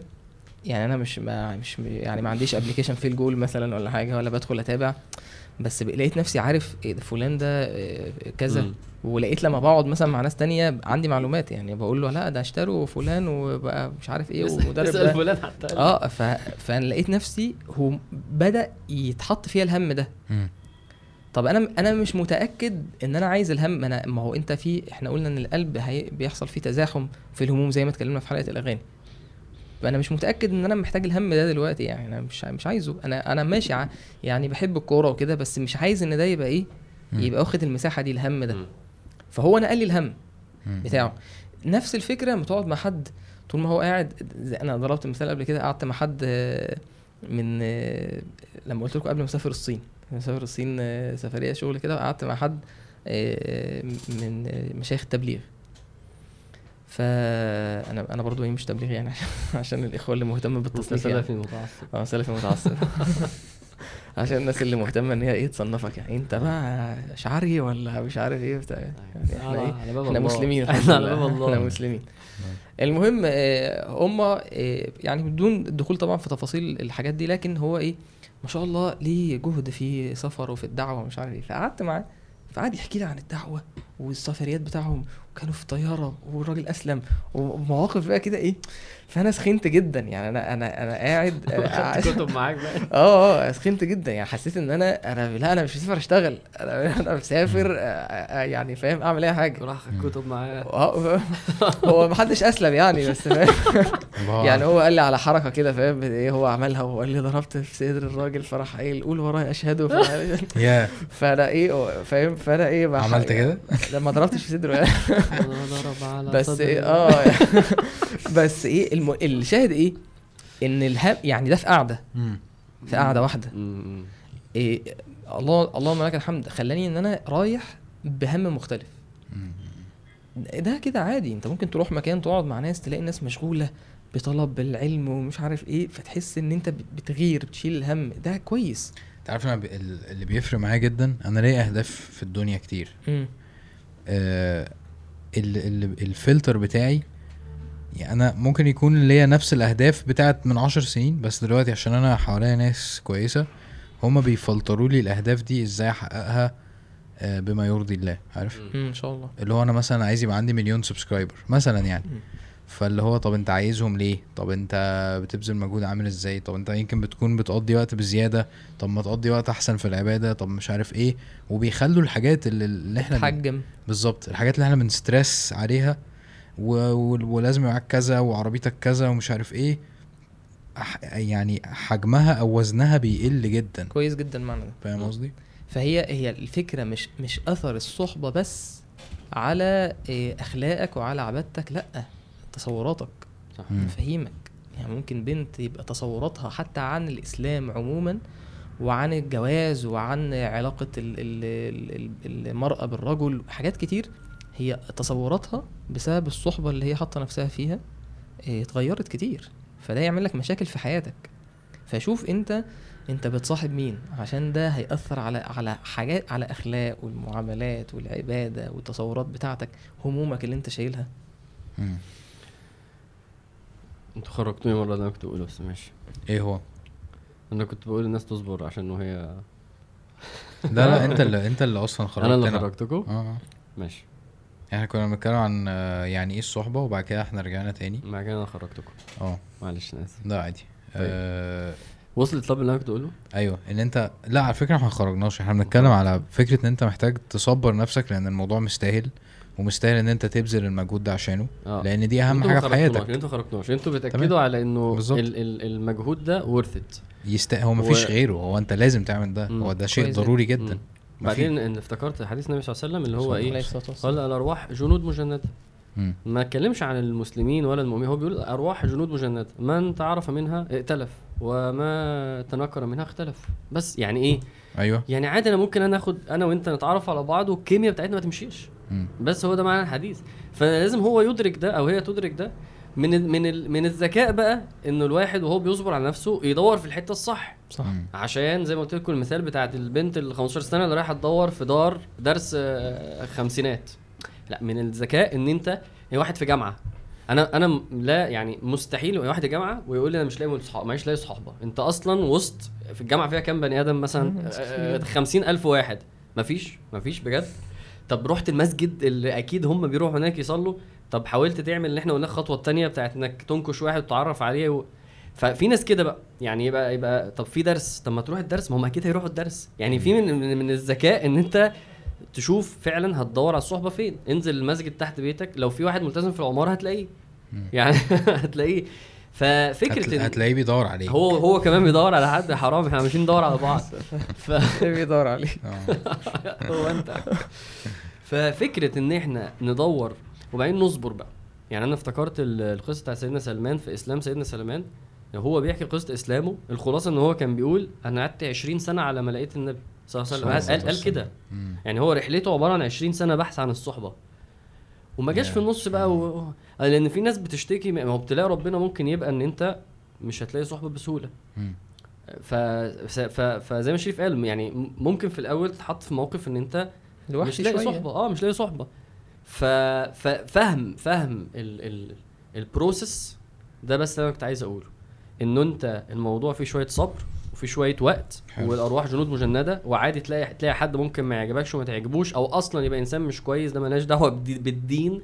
وعادي إنك وتدور بذكاء وتكسر حواجز نفسية في إن أنت ما تتكلم مع ده وبعد كده تعمل له add بعد كده تقول له عايز أبقى قبل. يعني كل ده مرحلة. فجأة هتوصل لمرحلة الصحبة الصالحة اللي هي بقى شريف وصفها بقى. إنه في ناس وعندنا group وبنتقابل.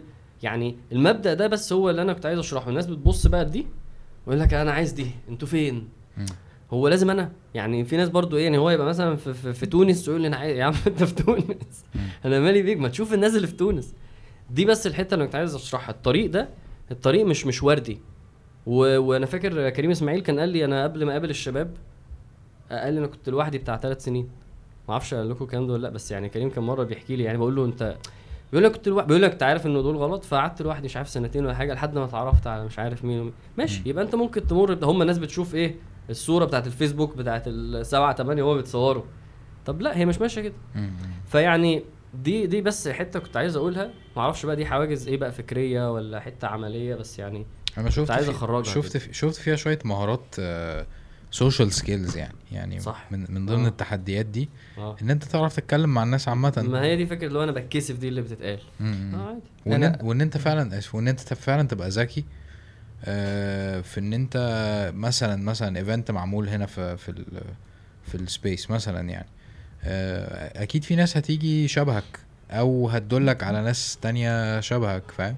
آه، والناس موجودة كتير يعني أي event هتروح هتلاقي فيه ناس أيوة كتير. أيوة. وأنت مش محتاج يعني عشان بس نأكد الصحبة الصالحه مش معناها مش أخوة الإسلام. ده ال group اللي هو اللي هو بيتعدى على ايد الواحدة يعني ده الطبيعي. مفيش حد صحبته أكتر من يعني فاهم إحنا 20 واحد ماشي ممكن 20 واحد أصحاب. ممكن يبقى ماشي، اتنين موجود يعني أنا مثلا تصطفي مثلا من أصحابك اتنين بس يعني هو يعني المطلوب إنه يبقى عندك مجتمع على قد ما تقدر ماشي وصحاب على قد ما تقدر كويسين ماشي. صح. بس فعلا لو في اتنين تلاتة أربعة صح، أصحاب صح. خلاص فعلا حياتهم هتبقى لذيذة جدا. فالموضوع مش مش صعب ولا متقفل زي بس ما الناس بتقول ده اللي عايز اقوله ولا هو وردي فعشان كده أنت مش لاقيه. أنا بس في يعني في حاجات برضو بحسها إن أحيانا بيبقى الإنسان آه، هو هو مستني إن هو يلاقي حد هو بقى اللي يشده هو اللي يتفقده هو اللي يكلمه مم.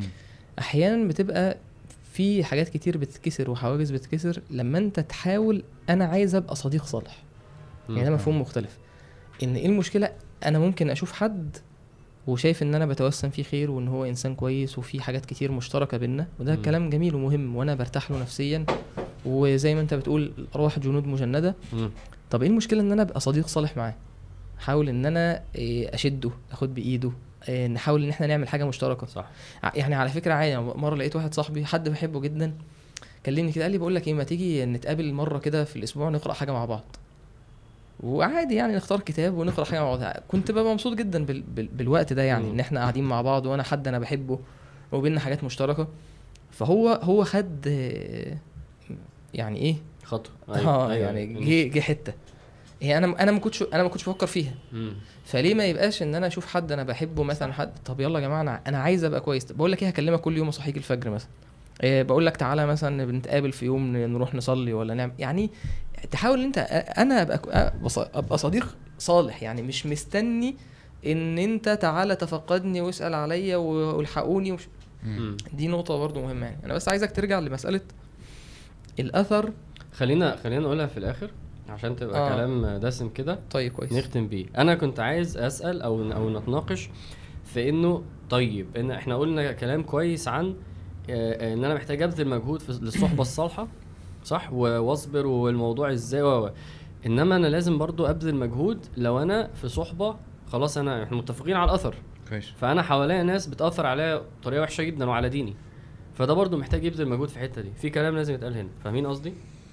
يعني آه. في واحد مستعد أيوة. إن هو يعمل اللي أنا بقوله بس دول كده كده اصحابي وأنا أنا بص أنا ممكن أت... يعني يعني أنا عندي مثلا أحمد وهشام ومصطفى أنا هجيب أحمد وهشام ومصطفى ومبدل يعني فاهمين؟ هو عايز أحمد وهشام ومصطفى بدقن يعني هو عايز ومش هيسيب دول إلا لما دول موجودين وعايز يبدل. إنما المبدأ بتاعي إن أنا دول لازم يعني آخد خطوة برضو معاهم. يعني دي دول خطوة لقدام دول خطوة لورا. دي نقطة مشكلة عند الناس. okay. طب خليني أسأل هو الناس أصلا آه بت بت بتصاحب ناس ليه؟ فاهم؟ يعني إيه ال basic needs اللي بتتحقق من إن. أنت تبقى في وسط ناس أو تصاحب ناس؟ البيلونجينج مثلا أنت تحس إن أنت آه، ناس مرحبة بيك وموافقة عليك ومحسسك إن أنت كويس وجامد مثلا مش دي حاجة فطرية شوية يعني فكرة ان الإنسان ما بيحبش الوحدة مم. يعني يعني متخيل يعني إنه حلو اللي هو ال- العلم النفس ال- ال- أيوة، أيوة، المجتمعي ده ولا الاجتماعي ده أيوة. يعني أكيد الإنسان ما بيعرفش يقعد لوحده.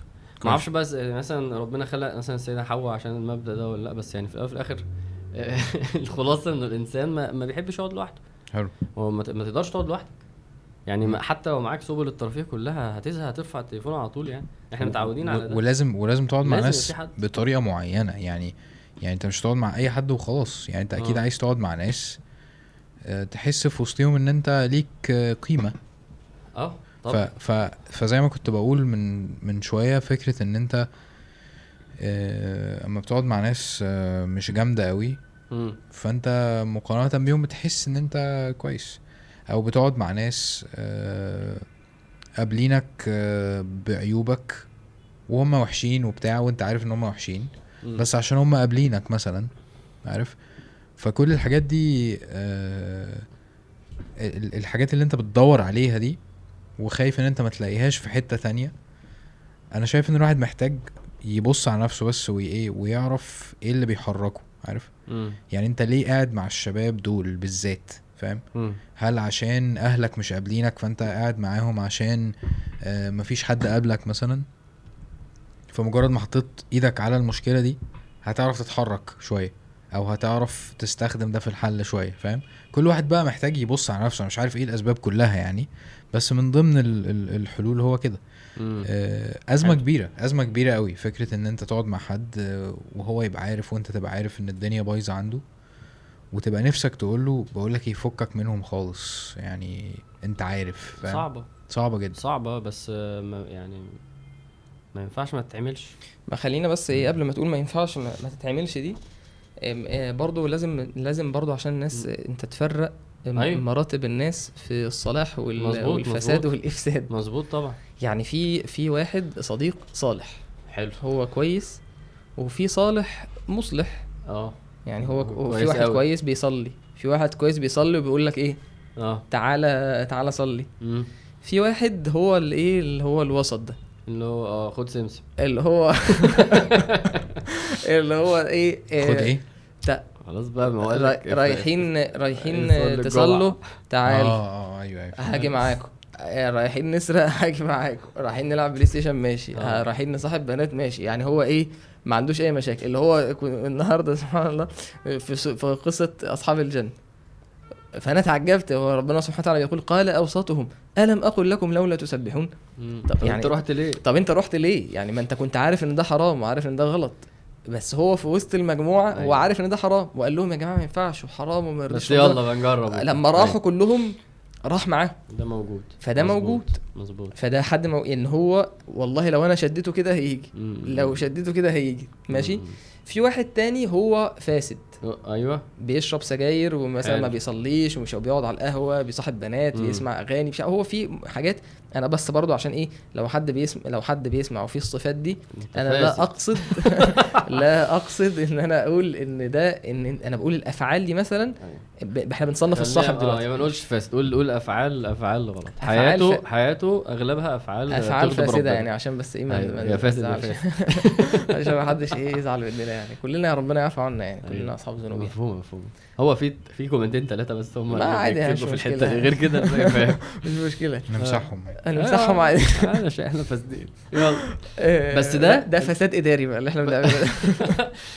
بس أنت عايز تزود على ده؟ أنا عايز أقول إن هو إيه؟ هو هو هو يعني هو وحش أيوة. بس إيه؟ أيوه. ما بيشدكش. آه يعني لو أنت رحت صليت يقول لك كويس. حتى آه يعني آه. حتى ما يقولكش إن هو إيه ده خد بالك يعني ده مش زي اللي جاي بقى. آه. اللي جاي ده اللي هو أنت رايح تصلي يقول لك يا عم اقعد تصلي إيه؟ خدنا على جناح آه، آه، لقاك مثلا بتغض بصرك يتريق عليك. لقاك لقيتك مثلا عايزة تلبسي حجاب أو مش عارف إيه بتاع تقول لك كلام يضايقك. صح. ده بقى النوع ده ده إحنا أصلا ما بنتكلمش فيه خالص. معلش. يعني يعني النقطة دي إحنا مش بنتناقش في ده تصاحبه ولا ما تصاحبوش. ده إنسان أصلا يعني عنده مشكلة آه ده آه، كبيرة في قلبه وبتطلع عليك. كويس جدا. مم. يعني ده صح. إحنا مش بنتكلم في نقطة إن ده اختياري. أصلا ده أمر من ربنا سبحانه وتعالى. ربنا قال ولا تطع. من أغفلنا قلبه عن ذكرنا واتبع هواه وكان أمره فرطا ال- الوصف ده ينطبق عليه. أغفلنا قلبه عن ذكرنا فمفيش تعظيم لله فبيشوفك بتطيع ربنا بيتضايق وبيتريق عليك. واتبع هواه وكان أمره فرطا ربنا قال ده وبعدين ال- عشان الآية اللي دايما يقول لك إيه ربنا قال لا تطع من أغفلنا بيتكلم عن واحد بس. واحد آه آه، واحد واحد بس لا ده إحنا يعني إن شاء الله بإذن الله لما يجي بقى شوية نضرب مثال إن لو آه versus لو ليك واحد واصبر نفسك مع. الذين okay فقال لك ولا تطع من. أغفلنا قلبه يعني واحد كافي إن هو يبوظ الدنيا قصدك آه، يعني ده ربنا سبحانه وتعالى قال لما قوم موسى. اللي عدوا البحر قال وأضلهم مم. سامري. سامري مم. مم. واحد فأخرج لهم عجلا جسدا له خوار قال ده الهكم وإله موسى فنسي. يعني أضل ال... ال... بني إسرائيل يهود بني وأضل إسرائيل. اليهود بني إسرائيل مش بني إسرائيل يعني. اللي عدوا واللي كانوا مستضعفين وعدوا وشافوا شافوا البحر البحر. بيتشق وشافوا فرعون بيغرق سيدنا موسى راح بس يتلقى التوراة 30 يوم و- أو اتممناها بعشر رجع لقاهم بيعبدوا العجل بسبب إيه؟ واحد واحد مم. فلا يعني واحد واحد واحد مضل مم. فممكن ي- يفسد في, في شلة كاملة. فاحنا. هنا بنتكلم على إنه الشخص ده المفروض ما يبقاش موجود. اولا هو مش مش محترم آه، قراراتك. مش مش مش مبسوط لك باللي أنت بتعمله. ع- يعني إلى جانب إن هو المشكلة الأساسية عنده مش شخصية معاك. هي مع الحق. هي مع الدين. صح. هو عنده هو, هو ممكن يكون بيحبك. بس بس هو دلوقتي مش عايز لك الخير اللي هو اللي هو الخير المطلق. هو مش عايز لك خير مش عايز لك الحاجة حلوة. فيصدك عنها. وفي وفي قلت لكم على واحد قبل كده لما قال لي أنا ما قمتش صليت عشان اتكسفت عشان يتريقوا عليا. قصدي إيه؟ هو انت طب ما أنت ضعيف قدام الشخص ده. خلاص يبقى ما عندكش حل غير إن أنت معلش. خلاص شفته في الشارع بقى تسلم عليه خلاص خلصت. بس هو مش هينفع إنه ده يبقى موجود في حياتك لأنه زي ما أنت قلت هو ليه أثر. إيه؟ ارمي له الحلقة واقفل الباقي. يا شهاب. لا بس المره دي في- المره دي في فرق بين. يعني أنت بتتمنى أنا. أنا أتمنى إن هو إن طبعا. ربنا يهديه ويصلح حاله وإن هو طبعا. يبقى أحسن مني كمان بس ما عنديش أنت مش في ده. بس أنت مش قادر بس على ده ده مش ده مش حاصل. صح. أنا ده- ده- أنا ده- أصلا محتاج اللي يثبتني. أنا واقف أيوة. على أرض مش مش لما صلبة. بيدوا المثال بتاع اللي, بي... اللي أنت لسه بتتعلم العوم ده ده أصلا اللي بيشدك لتحت يعني. لما بنقعد نتكلم على أنت لسه بتتعلم العوم فما تشدهمش. لا ده ده بيشدك أصلا. أيوه. خلاص؟ فده كده صنفنا طب هنعمل إيه في الاتنين- في, ال- في النوع. الثاني قول طيب أنت معلش. هم إيه الثلاث أنواع سريعا؟ اللي هو ال- ال- الفاسد. عند شريف يعني؟ ثلاث أنواع ثلاث أنواع عند شريف؟ ال- ماشي. بتقول- بتقول فاسد ليه يا حازم بتحكم على الناس لو؟ سمحت يا حازم. طيب. ال-. ال- ال- ال- اللي بيشدك لتحت. اللي بيشدك لتحت. ماشي. و... و... و... وال- واللي قاعد في المية Neutral. آه. واللي مستعد يعوم معاك. دول الثلاثه ماشي حلو خلاص؟ أوي. يعني يعني وفعلا فعلا ده مشاهد. الشخص الشخص اللي مستعد يعوم معاك ده قول له عايزين قول له يلا نبقى كويسين. يعني أنا يعني أنا صح. أذكر إن أنا يوم اللي أنا ده اللي أنا اليوم اللي قلت أنا عايز أبقى كويس كان في حد قاعد جنبي قلت له يلا نبقى كويسين قال لي يلا. أنا حاسس إن إن إن يعني جزء كبير من الناس ولا إيه؟ كده لا. لا حاسس حاسس انك قاعد جنبك. حاسس إن جزء كبير من الناس كده. يعني. يعني. يعني لو اغلب لو أ- يعني عملت كده يعني أغلب الناس مش اللي هم الشخص اللي, اللي بيبوظها يعني كل واحد ودايرته ماشي بص أنا يعني. برضو إيه مش عايز أعمم ده عشان أوكي. إيه أحيانا واحد برضو بيتعشم قوي في في الناس إن هي تلتزم ويفضل يحاول ياخد بإيديهم يعني أنا شفت ده. كتير جدا مع شباب يجي مثلا في رمضان ساب صحابه بدأ بقى يجي المسجد ويصلي بطل سجاير وبطل يكلم بنات ومش عارف- خلاص وأنا بعد رمضان واحفظ قرآن واعمل مش عارف أقول له بس خد بالك. الصح الصحبة. يقول لي بس أصل بحبهم ومش عارف إيه. هنزل وهبقى اجيلكم يعني هاجيلكم على شايف. الدرس. خلاص شكرا. أنا شفت ده كتير. ما جاش. هو رجع لأصحابه. تريقوا عليه. فبدأ مثلا يجي. وبعدين يرجع لأصحابه. فيجي ويجي. يتنطط هنا وهنا. ده خطر. شوف خليني يعني آه كمل كمل. عايز إن- أقول حاجة بس. يعني الوصف ده قول. الوصف ده بتاع ده عارف وصف الغلام؟ عارف الغلام لما راح أنا كنت للراهب لسه هقول كده بالظبط. آه. فبينما هو كذلك. آه بس ده مين؟ أنتوا. أنتوا يعني متدينين وعارفين إيه الحوار. انت اللي فاسد يعني. عارف؟ الحديث بتاع الغلام اللي هو غلام الأخدود. عنه غلام الأخدود. أيوه. يعني حديث طويل قوي بس هو في مرحلة في حياته كان بيروح للساحر اللي هو بتاع الباطل يسمع منه كلام وبيروح للراهب اللي هو آه. بتاع الدين يسمع منه كلام. ماشي. الفكرة إن الغلام ده يعني ماشي يعني يعني ده من ده من أولياء ربنا اللي بعد كده فاهم؟ ربنا استخدمه لنصرة يعني قصدي إيه؟ مش أي حد مش. مش العادي إنك تستحمل إنك تقعد هنا وهنا. ماشي. يعني اوعى تقيس تقيس على تجربة الغلام إنه طب ما هو طب ما أنا هروح أسمع من ده وأسمع من ده وأختار أنا وبتاع. لا خد بالك برضو هو الغلام عامر جه في مرحلة معينة كان لازم يفصل. آه. يعني ربنا النبي عليه الصلاة والسلام قال. فقعد إليه قعد للراهب هو. في في طريقه للقصر. آه، راهب. فقعد إليه فسمع كلامه فأعجبه. وبعدين بدأ يتردد بين يروح عند الراهب. يسمع عن ربنا ومعاني الوحي والجنة والنار والآخرة و- وعظمة ربنا. يروح ال- ال- الساحر يلاقي إيه؟ باطل الباطل ماشي. والخدع ومش عارف ويشوف زخارف القصر وهيبقى في المكان ده. يرجع تاني وهو راجع يقعد عند الراهب يرجع البيت. فهو كان عنده مشكلة. حتى في تعبير في الحديث النبي عليه الصلاة والسلام يقول فبينما هو كذلك. أيوه. مم. يعني بينما هو كذلك إيه؟ مضطرب. اللي بي- بيتردد okay. بيروح هنا وهنا. حيران. له أصحاب يدعونه إلى الهدى ائتنا ماشي. فبيتنطط هنا وهنا. فقال فلا إيه؟ دابه فإذا بدابه عظيمة سدت على الط... الناس على على الناس الطريق.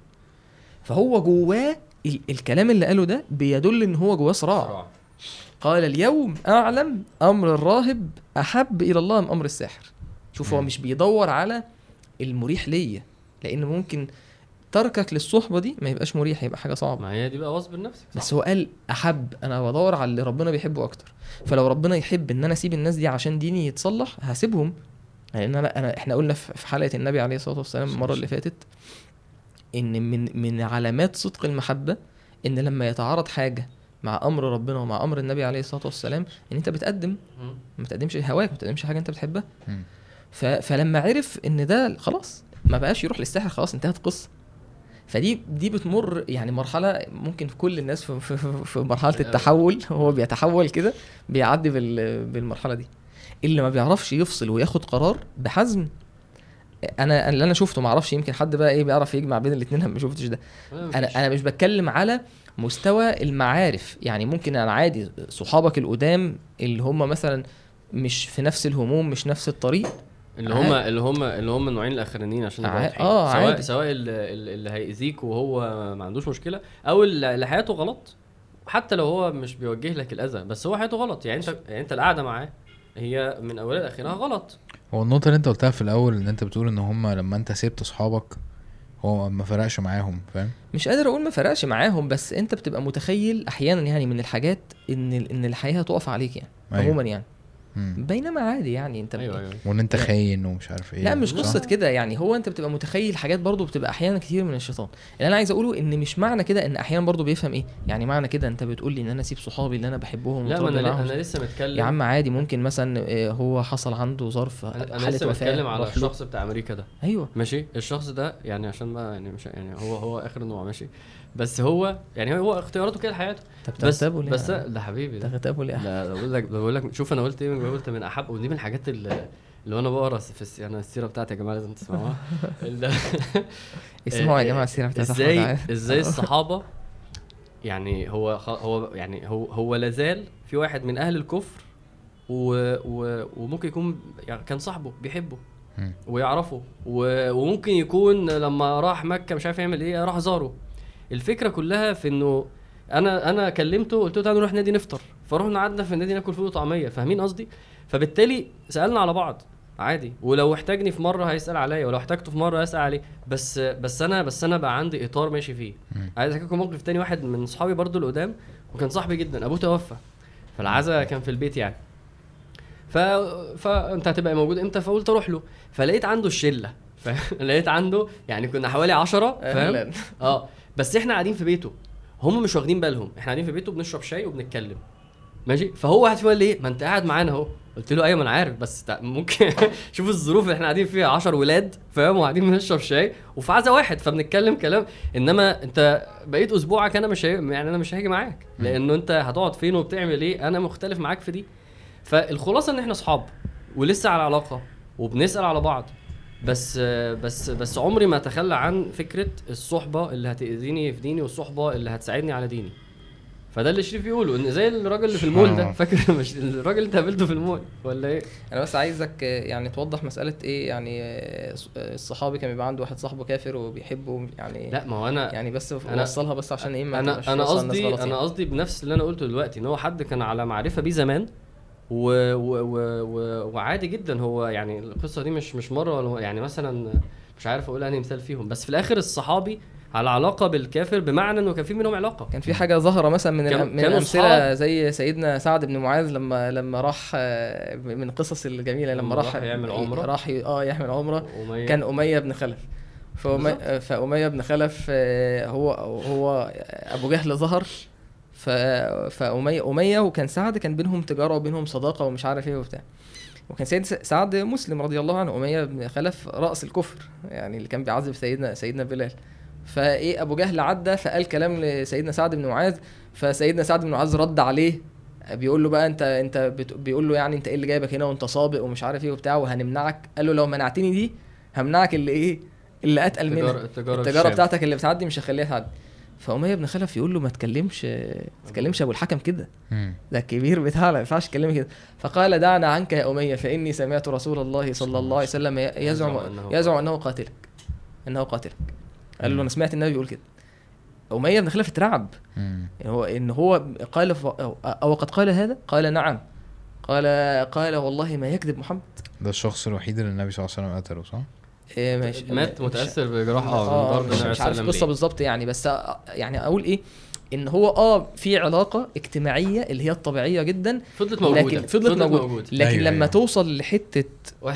المفاصلة آه بالظبط آه لا هو بالظبط. ده مؤمن وده كافر يعني فأنا قصدي كده، هي- قصدي- مش هيوالي الكافر يعني أنا قصدي العلاقة أيوة، أيوة. مع مع الشخص ده سواء بقى يعني أيام الصحابة أو هي هي موجودة ولو ولو حصل حاجة طبعا إحنا عشان مسلمين فلو أيوة. لو ح- لو لو لو خلف هكلمه وأقول له مبروك لو و- الج... أنا عايز ألفت. النظر لحاجة إن أنت من بعيد ممكن يبان آه، أو أنت مثلا يعني إن إن إن أنتوا آه، من بعيد ممكن يبان إنك طويل بس أنت قصير. دي نكته يا جماعة أنا قلت أقول نكته النهارده. آه إنه ممكن يبان إنه قشطة أحمد عامر أكيد متدين ومحافظ على نفسه. ومش هيتأثر بصحبة وحشة وحتى لو قعد مع الشباب ومش عارف إيه آه. بس أنا فعلا أنا فعلا يعني من من فترة كنت كلمتك إنه آه آه في حد عايز أقعد معاه ومش عارف إيه وبتاع وهو يعني إيه عايز أساعده وكده مم. بس الشخص ده بيأثر عليا عشان شخصيته يعني عارف شخصيته جذابة كده مم. شوية بشكل ما فأنا انت أنت قلت لي إن أنت خايف عليا من ده فأنا لما قعدت أفكر أنا فعلا حسيت إنه إيه رغم إن أنا حواليا ناس كتير آه كويسة بفضل الله الحمد لله رب العالمين.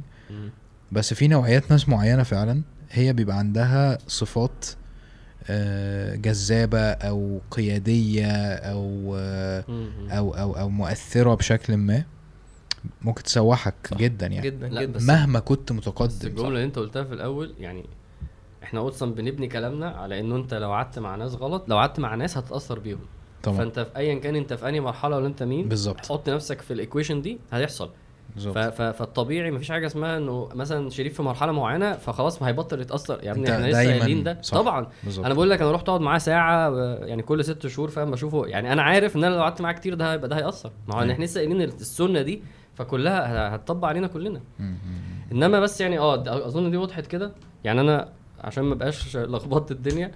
بس آه آه أنا يعني وإحنا بنتكلم في المنظومة دي لازم ياخد خطوة والخطوة دي عشان ال- ال- العك اللي بيحصل ده وفي ناس مش ملاحظة العك يعني هو فاكر إن أنا طالما قاعد معاه هو بيش هم أنا هم ستة مثلا وأنا واحد فيهم هم بيشربوا سجاير هم بيشتموا هم بيتكلموا على بنات هم طب هو أنت كده ما بيحصلكش حاجة في ناس فاكرة إنه كده ما بيحصلوش حاجة قلبك يعني أنت المفروض تنكر أنا اللي بيخوفني الايه اللي أنا. طلعتها. وإحنا بنتكلم وفي كتير شبهها يعني بس في سورة النمل آه إني وجدت امرأة تملكهم وأوتي وأوتيت من كل شيء ولها عرش عظيم وجدتها وقومها يسجدون للشمس من دون الله وزين لهم الشيطان أعمالهم فصدهم عن السبيل. فكرة تزيين الأعمال عارف؟ فكرة إن أنت تبقى شايف اللي أنت بتعمله حاجة حلوة يعني أنت ممكن تقول قشطة أنا عارف إن أصحابي وحشين وهسيبهم عارف.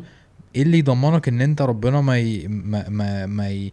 ما يختمش على قلبك ويحسسك إن أنت جامد جدا وخلاص الموضوع انتهى عارف؟ فعلا الواحد ليه بيأمن الموضوع ده. صح. فاستغل إن أنت بتسمع الكلام ده دلوقتي وإن دي ممكن تبقى آخر مرة تسمع الكلام ده. بجد ممكن تبقى آخر مرة تسمع الكلام ده.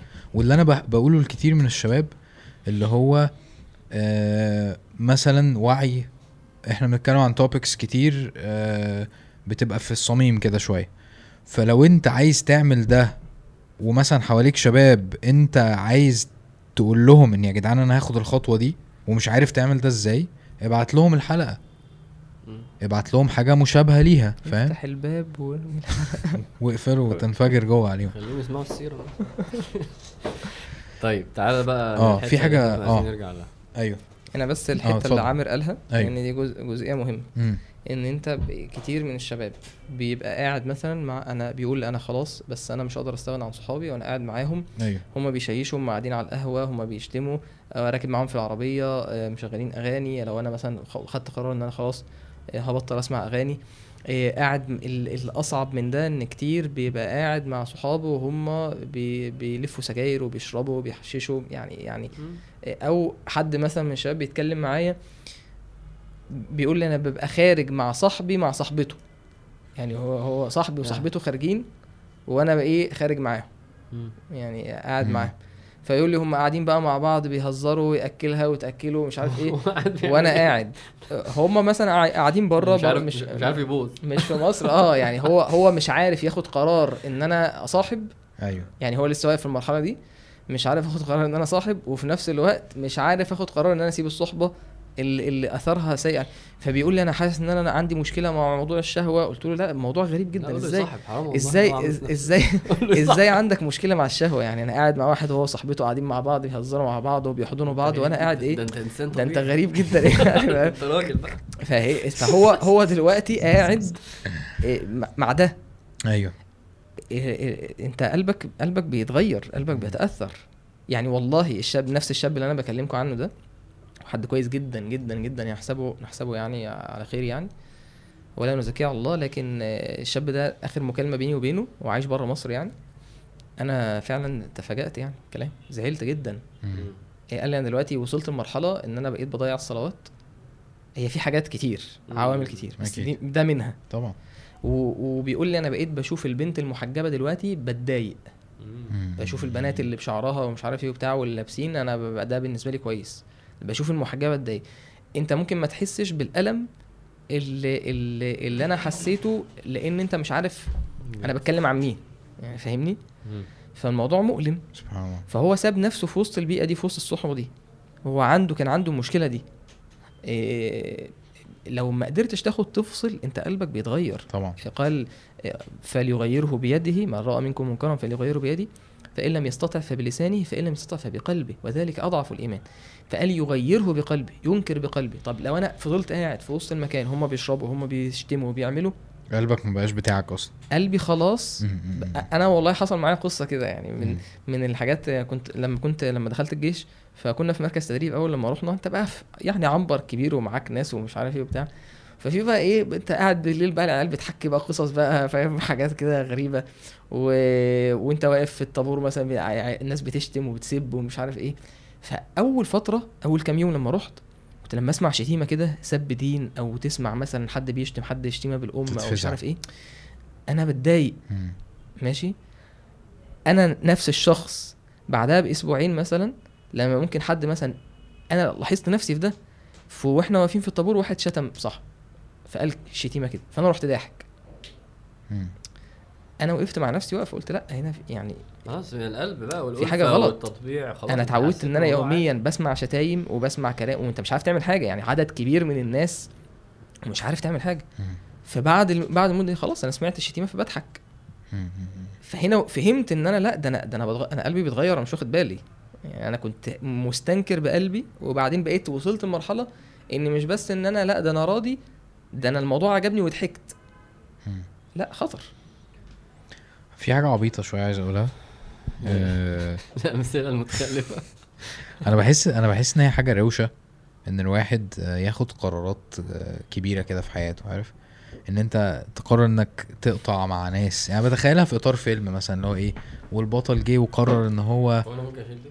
ممكن تشيلها آه عارف بطل جه وقرر يسيب مش عارف مين ويقعد لوحده ويروح جزيرة لوحده ومش عارف إيه وبتاع. فحاجة حاجة كبيرة وبتدل على إن أنت جامد.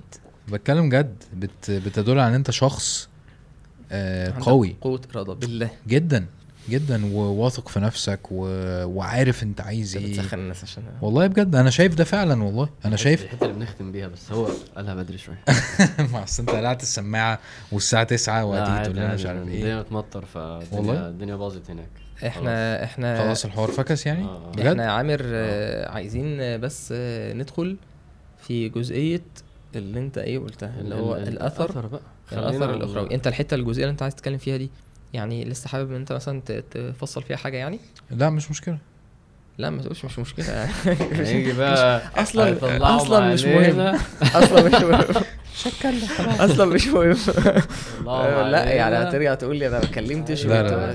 لا لا لا لا لا لا خالص خالص. لا أنا بس يعني أنا بس عايز أتأكد الناس يعني إن النقطة اتفهمت وخلاص أنا أول يعني. ما أول خالص خالص يعني ما ما يعني قلت ألتزم وكده. رحت قعدت كنت بقعد على القهوة كده. فروحت يعني المهم أنا قاعد مع العيال خمس دقايق قلت لهم يا جدعان أنا مش عايز أقعد معاكم تاني على فكرة. هم هم عادي رجعت لهم بعد شوية بس حسيت إن أنا جوايا جوايا حاجة أيوه. بس طلعت وأنتوا عارفيني فهي طلعت آه. فلايقة عليا فعلا إنها تطلع. بس الحاجة دي كانت جوايا فعلا. على فكرة مش على فكرة مش مبسوط ان أنا قاعد معاكم. مش عارف قلت لهم حاجة كده يعني. يلا فكرة أنا. عايز أنا عايز أقوم أمشي دلوقتي. أنا حاسس إن أنا مش مبسوط ان أنا قاعد كده معاك فالمهم إن هي يعني كانت نفس ال نفس ال ال- الحاجة اللي جوه كده إنه فاهم إن أنا مش عايز أبقى معدول يعني. أنت عايز بس طبعا إن أنت بس طبعا لا يعني يعني إن ده إن ده بقرارك إن أنت رايح؟ يعني يعني- الأول أنتوا فكسانين حسيت إن أنا عايز أنا أقول بقى- أنا مش عايز أبقى هنا بس ما كانش صح إن أنا أقول يعني. وفي نفس الوقت هم فاهميني ف... فعادي يعني. تاني يوم قعدت معاهم مفيش مشكلة. بص أنا أنا عايز أقول لك حاجة. يعني أنا أنا بحس إن لحد. دلوقتي آه. يعني أنا رغم إن أنا معظم صحابي متدينين أنا لحد دلوقتي بتجيلي الصراعات دي لحد دلوقتي الشيطان بيجي يقول لي إيه. آه هم مش روشين قوي يعني فاهم الشيطان. الشيطان بيجي يقعد آه. بي بيلعب, بيلعب في دماغي لحد دلوقتي في الحوار ده فاهم؟ اللي هو إيه التدين ومش عارف إيه. طب هنعمل حلقة بودكاست طب لازم نتكلم في الدين المرة دي مثلا فاهم؟ يا ابني إحنا أروش منك بكتير والله. ما هو أنا أنا يا. ابني هو انت انت انت, أنت في إيه؟ أنت مش شايف؟ هي دي مش حقيقة ماشي؟ طب يا جماعة لو سمحتوا في الكومنتات. حد يعلي عليه. بس ربنا بي يعني يعني سبحان الله بقابل ناس أروش. بحس إن هم. محققين حاجات أيوة. هي فعلا حلوة هي لا فعلا جامدة والله القعدة بتاعت اللي هي العزا اللي بقول لكم عليها دي كان فيها بقول لكم بتاع 10 أنا قعدت قعدت مع يعني ساعتين ولا حاجة مثلا فأنا قاعد قلت أنا يعني يعني أنا عشان الواحد ما يوصلش لمرحلة إن هو حاسس إنه أحسن من حد ولا أيوه دي يتكبر. نقطة مهمة كويس جدا بس فا... لا بس قلت لنفسي يعني اخ... اختياري ده أنا أنا مبسوط بيه. يعني يعني ال- الحياة دي بالكلام ده بالم... بالمشاعر اللي أنا شا... هم نظرتهم للحياة والهموم و... أنا أنا أنا مش عايز أبقى كده مم. يعني أنا ده ده والله كانت خلاص لأن أنت ساعات الشيطان زي برضو إيه أنا من بعيد وشوية وسوسة وشوية كذا بس أنت تتحط في الموقف تقول لأ أنا كده أقدر أقيمه فعلا أيوه عارف حتى صح. يعني حد من من من أصحابي يعني آه، كان مسافر يعني بره مصر وبعدين لما رجع آه، ورجع بقى قابل الشباب آه، ال- ال- الشلة يعني فقابلته بعدها يعني بقول له إيه الأخبار وشفت الشباب وكده ومش عارف إيه. إيه لقيت إيه؟ بيقول لي بحطت إيدي. يعني أنا سافرت مثلا من خمس سنين ولا ست سنين. كانوا بيقعدوا القهوة بيحفلوا على بعض بيتكلموا على بنات مش عارف إيه فلان كذا ونفس الايه الأنشطة اللي بيعملوها. بحطت إيدي. يعني حتى حتى حتى دنيويا فاهم. يعني حتى ممكن إيه يبقى على المستوى الدنيوي هو قاعد. بتعمل إيه؟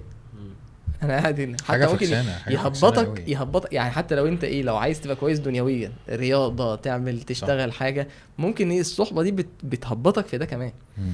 ماشي؟ حلو. أنا عايز أربط بس شوية حاجات من الحلقات اللي فاتت مع الحلقة دي. ربط يا آه، باشا يا مدير. وكنا قلناها تقريبا في الحلقة بتاعت مش فاكر كانت أنهي حلقة. آه، بس فكرة إن أنت ال inputs بتاعتك هي اللي بتخليك آه، هقول لك أنا. You آه. are what you consume بالظبط كده. You are what you consume فعلا. يعني أنت لو أنت بتتفرج على إيه إيه. لو لو أنت لو أنت بتتفرج على أفلام كتير مثلا فشيء طبيعي جدا إن مفهومك عن ال عن what's cool يخليك تحس إن الناس المتدينة دول مش مش هو ده الهدف اللي أنت عايز تروح له. بص دي نقطة تانية. دي نقطة ده محور. غالبا غالبا ده محور في في صراعاتك. ممكن طبعا. محور في صراعاتي. فهي محتاجة تربية معينة ونشأة معينة عشان المحور ده موجود. دي محتاجة حلقة لوحدها فما تخش فيها. عشان أنا آه والله. يعني. دي محتاجة حلقة لوحدها. حلو بس هنسميها- خليني هنسميها الحاجة اللي أحمد عايز يتكلم فيها أنا أنا, أنا ما فهمتش أصلا. أيوه أيوه أيوة، ما أنت. عشان أنت كويس. أوكي أنت صح. كويس. لا أنا ما فهمتش أنتوا عايزين تقولوا إيه أصلا. لا بجد ما فهمتش فهموني. حلو لما أنت المدخلات بتاعتك مثلا لو أنت آه، شخص بتشوف دروس دين كتير مثلا كويس؟ ماشي. فطبيعي إن أنت المفاهيم بتاعتك تبقى معتدلة فطبيعي إن أنت تعوز تبقى مع ناس أصلا بت... بتعظم الحاجات دي. ماشي. إنما لو أنت مثلا مثلا بتسمع مزيكا كتير وبتتفرج على فيديو كليبس كتير وبتروح حفلات وبتتفرج على أفلام فالمعايير بتاعتك اللي بت... الحاجات اللي بتخليك آه، تحس بالنجاح والمعايير بتاعت النجاح مم. بتخليك تقعد مع ناس مثلا بتروح ال events بتاعت ال entrepreneurship مثلا فاهم. والناس اللي بت يطلع إيه ال entrepreneurship ده؟ ريادة الأعمال مثلا عارف عارف بسمع شاهين بيقول لك دي. ف... فالناس شريف يا حبيبي. شريف يا حبيبي. لسه مكلمني الحمد لله. وصلنا مراته آه، مش- بنته؟ مش عارف أنا ما كنتش عايز أقول ده أصلا. طيب ماشي. آه خلاص. يعني أنا كنت بفكر في الحوار بعدين شاهين دخل واتخزن وط- وطلع مش هو ده اللي أنا عايز اقوله طيب. آه ما كنتش عايز أقول. كلمة مراته قصدي آه. فاهم؟ يعني بس هي طلعت في خلاص مش ربنا. ربنا يحفظهم يا رب. حبيبنا يا شاهين. آه كنت بقول إيه؟ بسم الله إحنا بوظنا لك الفكرة اللي أنت كنت حابب آه. تبنيها. طب ممكن أقولها أنا؟ لا بس عشان انجزك عشان أنا. خايف عليك. سيبه يجمع سيبه مهم. أنا يجمع. خايف عليه والله. سيبه يجمع. آه عايز ألحقك بس. بس فهو ببساطة شديدة. بس إيه؟ لا بس إيه؟ أنت مش فاكر حاجة. ال- الأماكن اللي أنت بتقعد فيها والمدخلات بتاعتك بتحدد لك المعايير اللي بتخليك تحس إنه الناس اللي بالطريقة دي فكسانه والناس اللي بالطريقة دي جامدة. حلو. بس كده. دي بقى؟ فهمت؟ ده موضوعنا فهمت، آه، فهمت. بس. خلاص. ده موضوعنا يا جماعة ما تنسوش والله ده. أنا هبقى مبسوط إن أنا أتكلم فيه. تمام. ماشي؟ حلو. طيب. آه أنا مش حاسس إن ده موضوع حلقة الأصل- يعني. مو- ده موضوع ده يعني ده؟ موضوع ماشي. يعني ده موضوع بس لو أنا شوف يعني أنا كنت بتكلم على بص فيه. آه، آه، عارف اللي هو ممكن واحد يفتن في دينه مم. بسبب إن هو آه، يعني مفهوم ال- ال- ال- ال- الكولنس عنده أيوه في مشكلة بس مم. فليه بيتكلم إنجلش ليه, ليه اللغة العربيه ما يحبهاش فاهم قصدي ليه الصحابة أساميهم فاهمين قصدي؟ أيوه آه ليه ليه شايف أهل الدين كده وشايف ودي؟ دي آه. مشكلة كبيرة. طبعا. دي مشكلة كبيرة في اختياراته اللي عايز يتجوز واحدة عاملة إزاي؟ وهو هو ممكن يبقى أزمته مع النقاب في كده. وهو على فكرة أنا عايز أتدين أنا عايز أبقى ملتزم. بس هو عنده مشكلة كبيرة إنه الدين مش كول لما لما فهمت بقى أيوة، المفهوم ده؟ فهمت. أنا قلت لك ده انت انت أنت بتتكلم جت حاجات كده في مواقف أيوه أيوه. ما أنا. بقول لك دي مشكلتها فين؟ إن هو متربي يعني أنا التزمت مثلا 20 سنة 22 سنة أنت 22 سنة متربي إنه الكول حاجة أيوة. وبعد كده دخلت الدين ما لقيتوش طب الصراع ده تعمل فيه إيه؟ آه. ده موضوعنا إن شاء الله في حلقة. لازم. آخر أنا هاجي- حلقه عشان حق- على فكرة بقى اللي بيتفرجوا على وعي عندهم الأزمة دي طبعا. أيوه أيوه. يعني أنا لازم البس سماعه. يعني عشان برضه نبقى واضحين. اللي هيتفرج على وعي لازم عنده المشكلة دي كده كده إحنا ضمننا 10 كومنتات. وطوا المايك بتاع أحمد عامر. عشان نوحشهم شوية. طيب ممكن نختم أنا عايز أسلم على الناس اللي بتتابعنا من المغرب والدول العربية وكده. وعايز أقول لهم فاكسان معناها آه في ناس أو مش كول آه بالظبط بس فاكسان معناها ليم يعني مش ليم كول بالظبط كده. يعني بالمغربي آه، فاكسان بتشوف الكومنتس دي. إيش آه. يعني كلمة فاكسان فاهم آه. وش بيلطم كده عارف؟ بس أنا بحب المغاربة يعني آه عموما الشعب المغربي يعني. اللبس اللي بيجيبه من هناك ده طيب أنا خلصت. آه أنا- لا كان في مش مش لازم لازم لازم نقول الحتة بتاعت ال الآخرة. ال- الأثر الأخروي. عشان ماشي. نتيجة اختياراتنا في صحبتنا هتعمل فينا إيه في الأخرة. جامد جامد جامد. دوس. ف... فعندنا الأثر بتاع الصحبة الصالحة وأثر لو أنا صحبتي مش صالحة. مم. تحب تقول إيه؟ أنا خلينا لو بتاع لو صاحبتي مش صالحة. خلاص يبقى أنا هقول الصحبة لو مش صالحة. آه يعني ماشي. نبدأ إيه نبدأ بالشديد شوية يعني. لأن لا- لأن ده صراحة يعني من الأحاديث اللي فعلا اللي يعني بحس فيها بألم شديد جدا يعني لما بعدلي عليها. آه، قصة وفاة أبي طالب. عم النبي عليه الصلاة سبحان والسلام. يعني آه يعني حتى إيه من من الأشعار اللي كان أبو طالب بيقولها عن النبي عليه الصلاة صلى والسلام عشان تعرف هو. كان يعني يعني هو واصل لفين.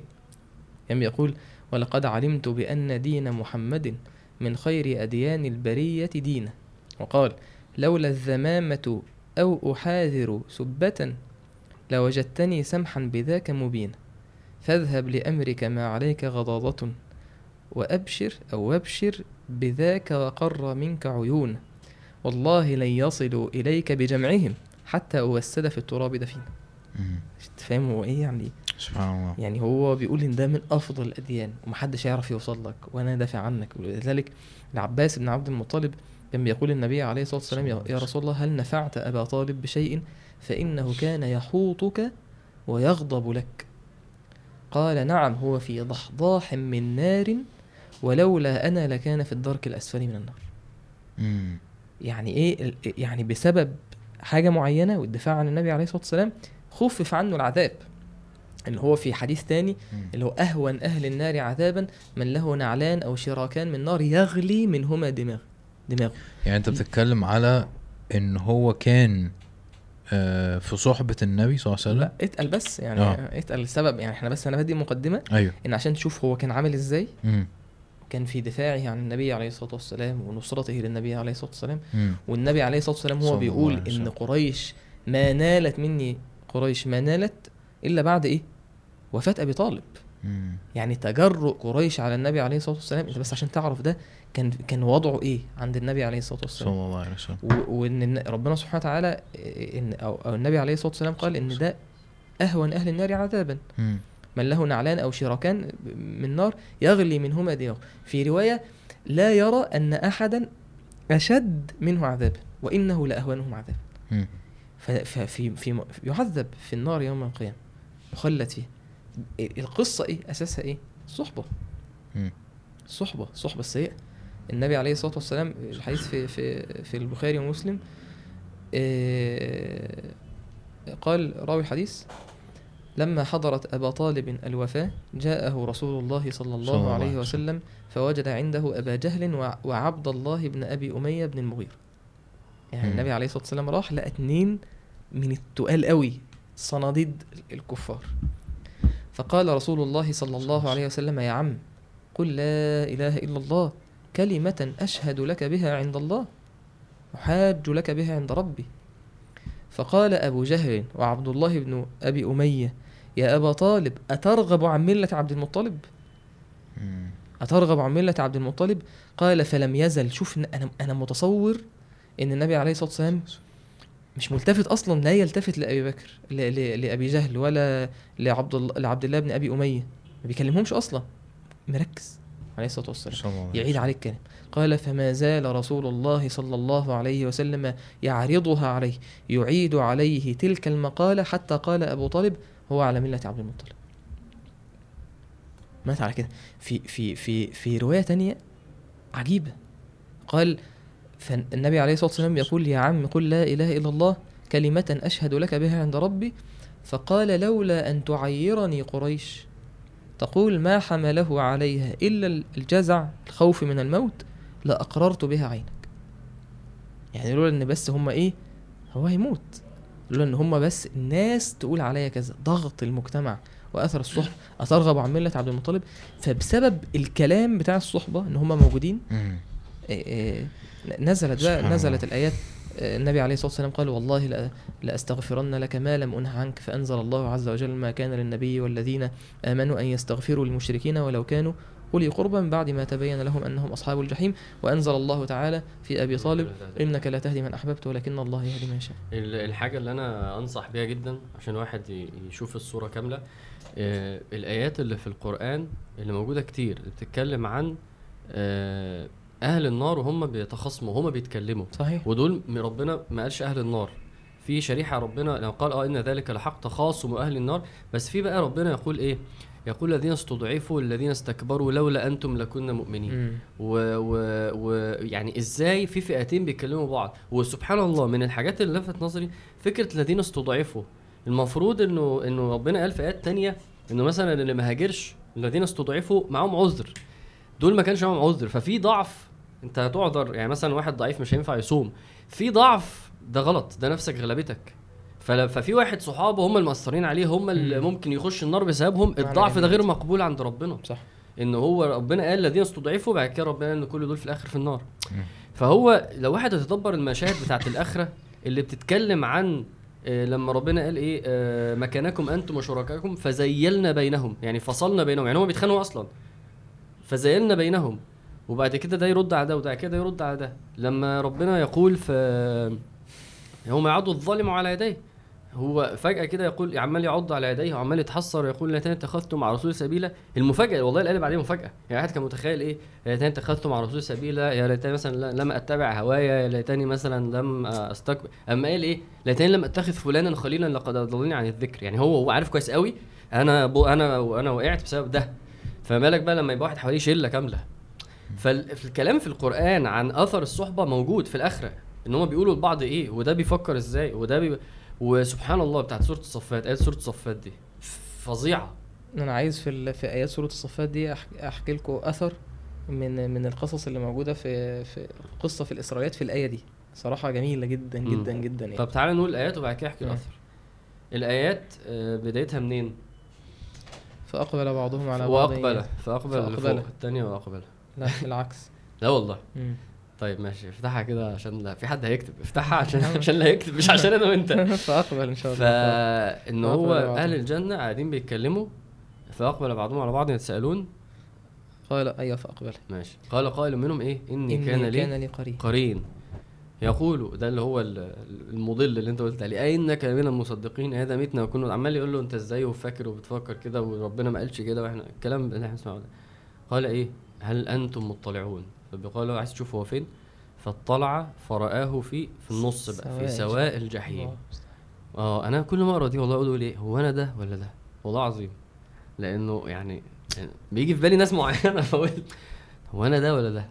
معرفش. فاطلع فرف قال تالله إن كدت لتردين تردين. تهلكني ولولا نعمة ربي لكنت من المحضرين في العذاب. فيعني الكلام بقى عن الصحبة وعاملين إزاي مع بعض في الآخر وهيشوفوا بعض وهيكلموا بعض وهيقولوا إيه لبعض وهيبصوا بعض إزاي وهيتحسروا على بعض إزاي؟ ده يخلي الواحد يفهم أيوه بس أنا مسلم. يعني أنا حتى لو حتى لو معايا صحبة وحشة فأنا برضو الآيات اللي بتتكلم عن الكفار ومعرفش إيه وبتاع دي مش بتنطبق عليا. كفار. ده الذين استضعفوا الذين استكبروا. لا هو ح- حازم يقصد إن أيوة، الايه أنا دي. في ب- يعني فيها بين الكفر والإيمان زي ما ورد يعني واحد كافر وواحد مؤمن. أيوه بس ولكن يعني برضو مش إيه يعني ال- الآية لما يبقى في لفظ عام لما في يبقى لفظ عام للآية ممكن ينسحب على يخاطب بيه المؤمن والكافر. لكن إحنا مش بنقول إن المؤمن أو المسلم اللي مات على كده يخلد في النار. يعني مم. ممكن يكون الفعل ده سبب في دخوله النار. ولكن بعد كده هو من أهل المشيئة يعني ربنا إن شاء يعفو عنه ابتداء أو إن هو يدخل النار يعذب وبعدين يعني الحوار مش يدخل. مرتبط بس بواحد كافر يعني ممكن مؤمن آية ما- الآية دي ممكن تنسحب على الكافر وممكن طبعا. في نفس الوقت على حسب برضه مش كله ممكن على حسب أيوه السياق طبعا لكن طبعا. القصة اللي جت فيها ال- آه، القصة بقى. جميلة يعني آه، كان الشيخ عمرو بكلمه فقال لي الطبري جاب آه، قصة جميلة من إسرائيليات على طول هو يجيب حاجات من الشيخ عمرو ويطلع شكله جامد بس كويس نقول الشيخ عمرو عشان ما لا لا. من ال من ال من. من من الأدب أو من. سوء من سوء الأدب إن تقولوش حاجة تانية يا شيخ عمرو عشان بيقعد. من سوء الأدب إن الإنسان لما يتكلم عدم نسبة الفائدة آه. اللي أنت اتعلمتها لأهلها يعني إن أنت تقطع الكلام لحد كده إيه وتقول أنا اللي قلته أو إن أنا اللي استفدت ده أصلا ده ده أصلا من أسباب ضياع بركة العلم للإنسان. ما شاء الله حلو. فمن الأدب إن الإنسان لما يتعلم حاجة ينسبها ينسب الفضل لصاحب العلم ده يعني. جميل. وده كان. موجود في كلام كتير من أهل العلم. المهم يعني. المهم. المهم القصة بقى إيه؟ القصة. آه يعني هقرأها لكم لأن هي جميلة جدا صراحة يعني. آه قال قال سألت آه إسماعيل السدي قال ابن أبي حاتم ابن, ابن أبي حاتم هو اللي بيروي ال- القصة يعني. عن هذه الآية قال قائل منهم إني كان لي قرين. يقول أئنك لمن المصدقين؟ قال فقال لي ما ذكرك هذا قلت قرأته آنفا فأحببت أن أسألك عنه. فقال أما آه، قال أما فاحفظ كان شريكان في بني إسرائيل أحدهما مؤمن والآخر كافر. فافترقا على ستة آلاف دينار كل واحد منهما ثلاثة آلاف دينار. فمكثا ما شاء الله أن يمكثا ثم التقيا فقال الكافر للمؤمن ما صنعت في مالك؟ أضربت به شيئا؟ يعني إن اتجرت به في شيء؟ فقال له المؤمن لا. فما صنعت أنت؟ فقال اشتريت به أرضا ونخلا وثمارا وأنهارا. قال فقال له المؤمن أو فعلت قال نعم. قال فرجع المؤمن حتى إذا كان الليل. صلى ما شاء الله أن يصلي.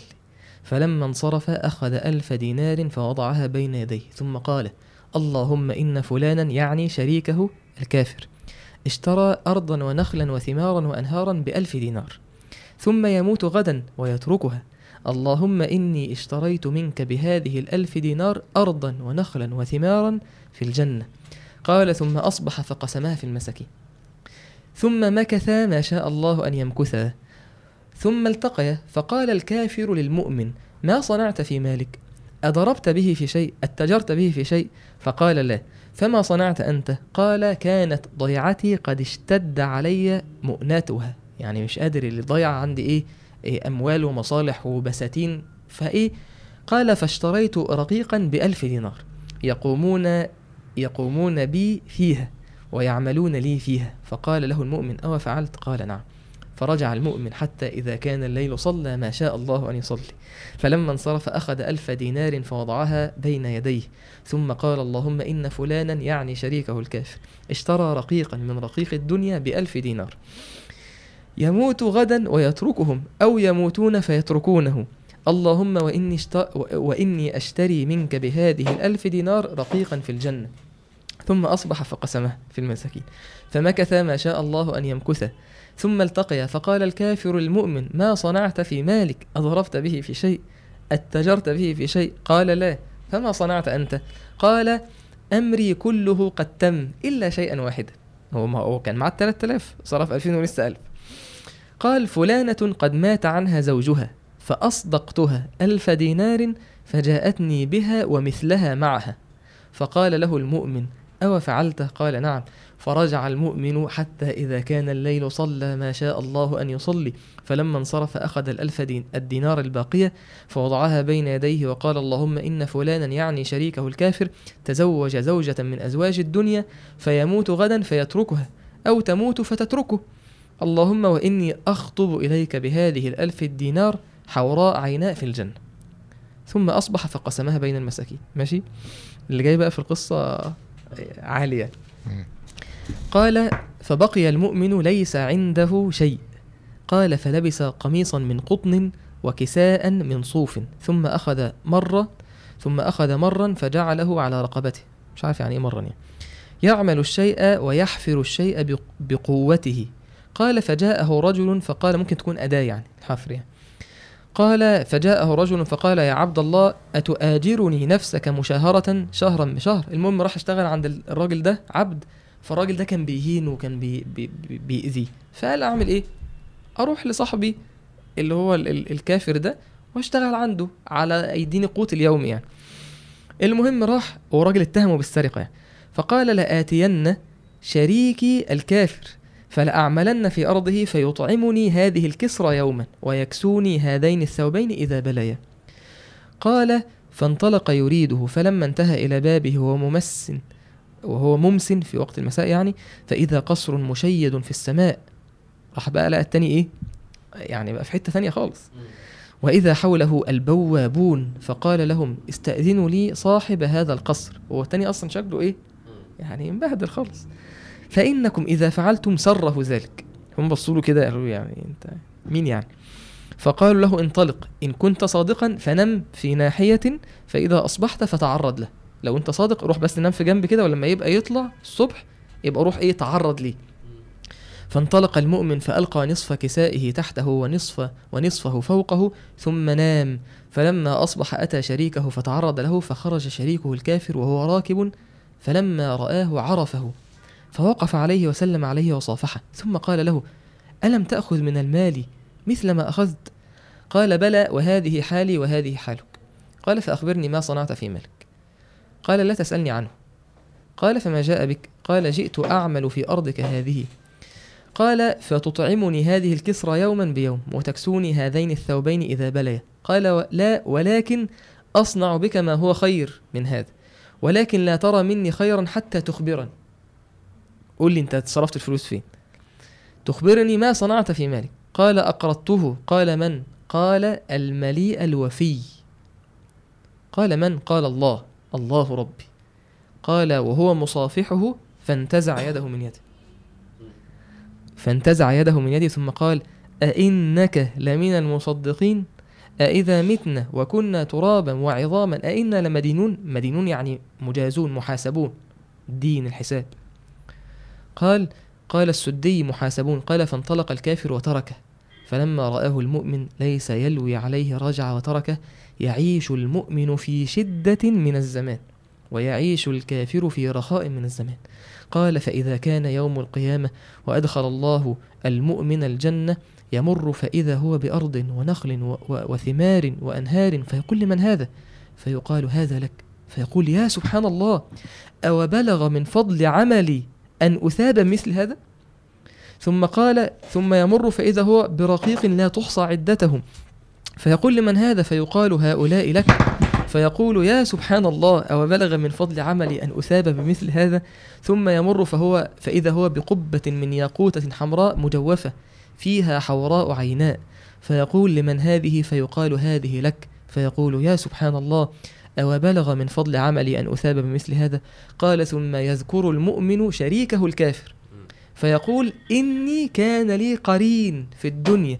يقول أئنك لمن المصدقين أئذا متنا وكنا ترابا وعظاما أئنا لمدينون قال فالجنة عالية والنار هاوية قال فيريه الله شريكه في وسط الجحيم ومن بين أهل النار فإذا رآه المؤمن عرفه فيقول تالله إن كدت لتردين كنت هتضيعني ولولا نعمة ربي لكنت من المحضرين أفما نحن بميتين إلا موتتنا الأولى.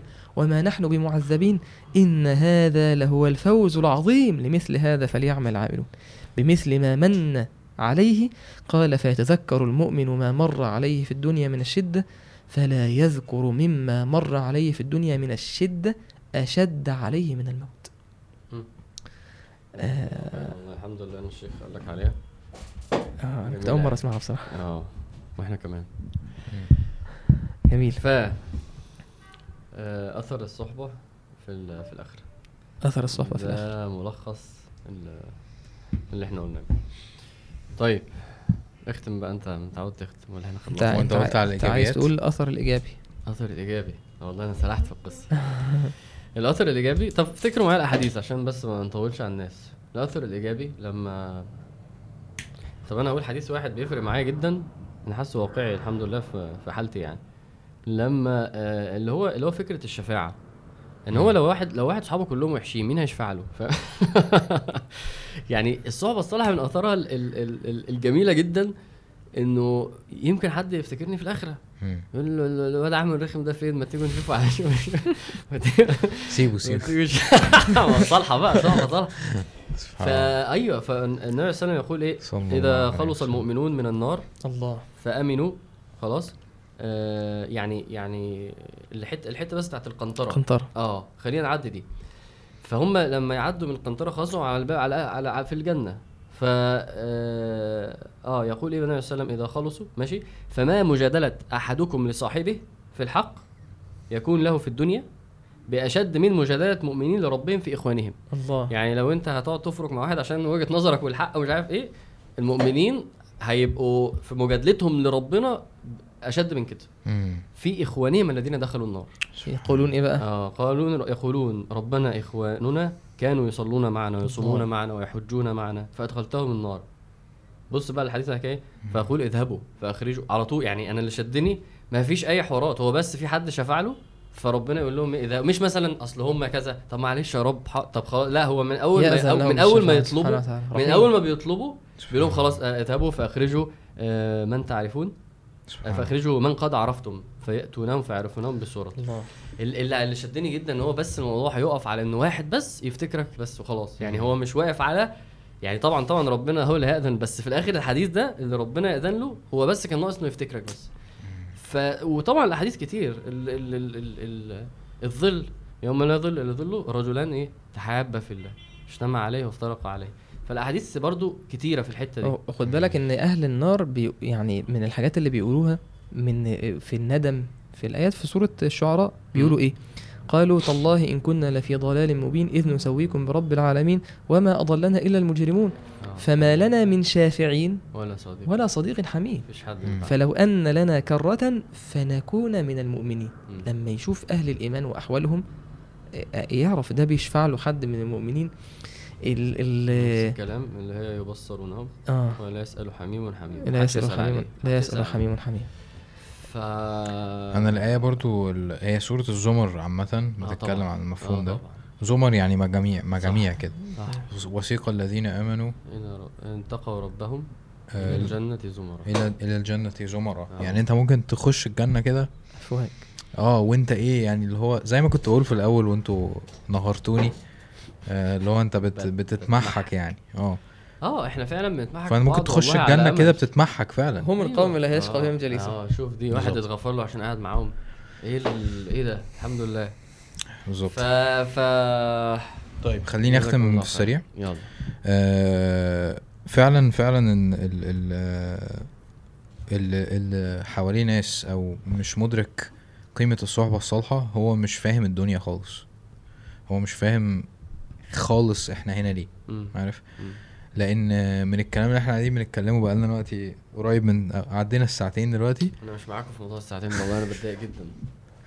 ماشي يا عم هو قاعد 10 دقايق يقول أيوة، قصة واحدة. آه والله القصة دي ماشي خلاص. بس مش دي الأزمة الوحيدة يعني. أيوه أيوه. بص أنا ما عنديش مشكلة في الوقت. المهم خلينا بس عشان ما نطولوش أكتر. طيب. ماشي. طب خلي الناس تكتب هي هي نفسها الحلقة مدتها قد إيه في ناس بتقول أنا أول ما بفتح بحس إن هي خلصت على طول مش بتريق عليك والله لا أنا عايز ناس هي أصلا هي والله. أصلا الحتة دي في آخر الحلقة فما حدش هيسمعها فما حدش هيكتب يعني لا، لا، لا. هنعرف لو كتبوا يوم ما بيسمعوا لا لا، لا ما تقولش كده على فكرة في ناس يعني في لا أنا عايز اعرف. أنا عايز أعرف والله يعني اسحب- اسحب اسحب طب ممكن تبص لنا على دي؟ يعني أنا شخصيا لو هكتب كنت هكتب ساعة ونص ماكسيمم فعايز أشوف الناس بتقول إيه. لو هم عايزين ساعتين أنا موافق. هو مفيش بس- مشكلة في ناس بتقسم ال عادي يعني حلقة في الموضوع الأسبوع. على حلقة. في الأسبوع بتقسمها على الكومنتات طيب اسمعها تقول لنا. يا عم 10 دقايق في اليوم خلصت. آه يعني في ناس بتقسم الحلقة على تمام. على أنا سألت السؤال الناس هتكتب. ماليش فيه. أنا كل بقول لك. استقصاء كده اقرا مش أنت بتقعد. تقرا؟ أصل. بتلاقي ما كومنتات تقعدش كتير، تمسح بقى أنا الحلقة دي بستمتع وأنا بغسل المواعين و... أيوه. والله صح والله معاك حق. خلاص. خلاص. يا عم لو لنا معاك يا ست أنا مش. متضايق والله بس- معاه حق وصح جدا اللي هي بتعمله ده انت. أصلا ما ينفعش تتسمع غير وانت بتغسل المواعين أنا بعمل سيرفي عشان نتاكد بس من اللي إحنا فاكرينه خلاص اكتبوا يا جماعة لو سمحتوا عشان نتاكد بس طب طيب. معلش يعني بما ان إحنا طولنا بقى عايز أقول حاجة بس لا لا لا لا, بجد والله لا حاجة انت. ضيعت لا لا. لا لا لا مهمة. لا لا، هو. هيختم وانت حازم. هتقولها لنا خلاص هترجع تندم خلاص طب خلي ال- ماشي. أصلا أصلا عادي اسحبها. آه، قول عايز تقول إيه؟ طيب اسحب القصة. آه طيب بسم الله. آه لو عايز تسحب القصة أنا ما عنديش لا حول ولا مشكله قوة الا بالله. عايز أفتكر بس أنا كنت اعترض بقى اعترض بقى على كلام الشيخ عمرو. قول على ما آه صح. دي بتاعت الشيخ عمرو ما ينفعش. اسحبها أنت بقى لو عايز. بسم الله. طيب يا جدعان والله بجد آه محتاجين آه يعني ركزوا معايا طيب. شاركوني في الحتة دي بس. أنت آه بتقول اللي ما الصحبة آه. عمود رئيسي في إن الواحد يبقى يتغير. إنسان كويس. صح. صحيح. ما ينفعش إن أنت تقعد بقى تقول إيه هحفظ قرآن وهصلي وه... زي ما أنت كنت بتقول اللي هو هتصلي وهيبقى عندك صحبة. ما. هي الحياة. عشان تخش الجنة لازم يبقى عندك صحبة كويسة. أيوه. والنبي صلى الله عليه وسلم كان محاط بالصحابة أيوه. للأسباب دي للدعم ده. كويس؟ فأنت مش أجمد من النبي وش؟ لازم تفهم إن هي دي الحياة وإن مفيش بقى بدايل. أنت بتقعد تدور على الجمدان في الدنيا وإن أنت تبقى أحسن في الدنيا وإن أنت تحقق مش عارف إيه. ممكن كل أعمالك دي لو أنت بقيت أنجح انتربرنور في الحياة كل ده أنت بتبتغي بيه دنيا ولا يتحسب بربع جنيه في الآخر. وممكن نفس العمل ده تتحط في وسط ناس كويسة تفكرك بربنا والعمل نفسه اللي أنت كنت هتعمله بره هتعمله جوه هيتحسب عند ربنا سبحانه وتعالى. هيصلحوا لك نيتك. هيعرفوك إن أصلا في حاجة اسمها نية. وإن أنت وإن أنت ينفع تغير نيتك وإن أنت أصلا آه الأهداف اللي أنت كنت عايز تعملها دي هي تنفع برضو عادي. وإن الدنيا هي كلها واحد أنت ممكن تعمل نفس العمل يقلش خالص. كويس؟ فلازم لازم تحط نفسك في وسط الناس دي ولازم تتغلب على الحاجات اللي أنت بقى إيه والناس مش كول وبتاع وصحابي والخيانة والجو ده كله تغلب على الكلام ده وابلع الإيه يعني ابلع الحاجة الصعبة صعبة البلع دي عشان دي حياتك وهي حياة واحدة. هي حياة واحدة. مش مستاهلة بقى خالص. ماشي؟ آه سبحانك اللهم سبحانك اللهم وبحمدك. استغفرك وأتوب إليك. قول بقى اللي عندك وأنا إيه؟ هوقف. البتاع. حاجة لل حاجة على الايه عايز تقول حاجة؟ آه لا خلاص. لا لا قول. ليه؟ قول أنا مشغل عادي. لا لا خلاص والله. قول والله. لا لا أنا زعلت خلاص. كل مرة فيكم يزعل عشان كده أنا لا لا لا كنت عايز أقول بس مسألة إن إن إن, إن الترك ده أنت لازم لازم تاخد الخطوة دي فعلا. أنا فاكرها حاجة بره البودكاست. لا لا لا في نفس الموضوع فكرة والله نفس الموضوع لما طيب لما أحط السماعة لما لما العالم. لما العالم لما العالم قال للراجل اللي قتل 100 نفس ده آه أنا ما أنا كنت عايز أذكر الحديد أنا استغربت فعلا بجد يعني آه، يعني هو ده ده. بتكلم بجد أقسم بالله ما بهزرش أيوة. هو قال له سيب الصحبة وروح لصحبة يعني هو أيوة. الحديث هو يا جماعة. الحديث واضح جدا يعني أيوة. اترك ارضك واذهب إلى الأرض كذا قال له لا ترجع. إلى أرضك لا ترجع إلى قومك فإنها أرض سوء هو هو الإمام النووي قال كلام بيقول إيه في قول النبي عليه الصلاة والسلام انطلق إلى ارض كذا وكذا? فإن فيها اناسا يعبدون الله. يعبدون الله أعمل إيه فاعبد الله معه معه. قال له في ناس طيبين. هناك اقعد معاهم روح اقعد معاهم هتبقى كويس مم. يعني ده ده ملخص ملخص. قال. قال ولا ترجع آه. إلى أرضك فإنها أرض سوء فالإمام النووي بيقول إيه قال العلماء هذا في هذا استحباب في هذا استحباب مفارقة التائب المواضع التي أصاب بها الذنوب makes perfect sense. والأخدان المساعدين له على ذلك. تمام. ومقاطعتهم ما داموا على حالهم. في الدنيا واضحة أهي. آه. سامع سامع و- يا ابني. قال أنت و... عارف نفسك. وأن يستبدل بهم صحبة صحبة أهل الخير والصلاح والعلماء والمتعبدين الورعين ومن يقتضى به. وينتفع بصحبتهم وتتأكد بذلك توبته. والسلام عليكم هو إحنا فعلا. آه لو على مستوى فهم أهل العلم والله يا جماعة كان البودكاست عبارة عن نقرأ الحتة دي نقرأ الحديث ونقول كلام الإمام النووي خلاص وانتهت القصة. إحنا ما قلناش الدعاء ولا أي حاجة. إن أنت تدعي إن ربنا يرزقك يرزقك يرزق يرزقك صحبة. ارجع بقى شوف حلقة. حلقة الدعاء. ارجع شوف. حلقة الدعاء تاني. و- هات يا ابني الشات يا ابني. يلا السلام عليكم ورحمة الله وبركاته. هو حازم؟ هو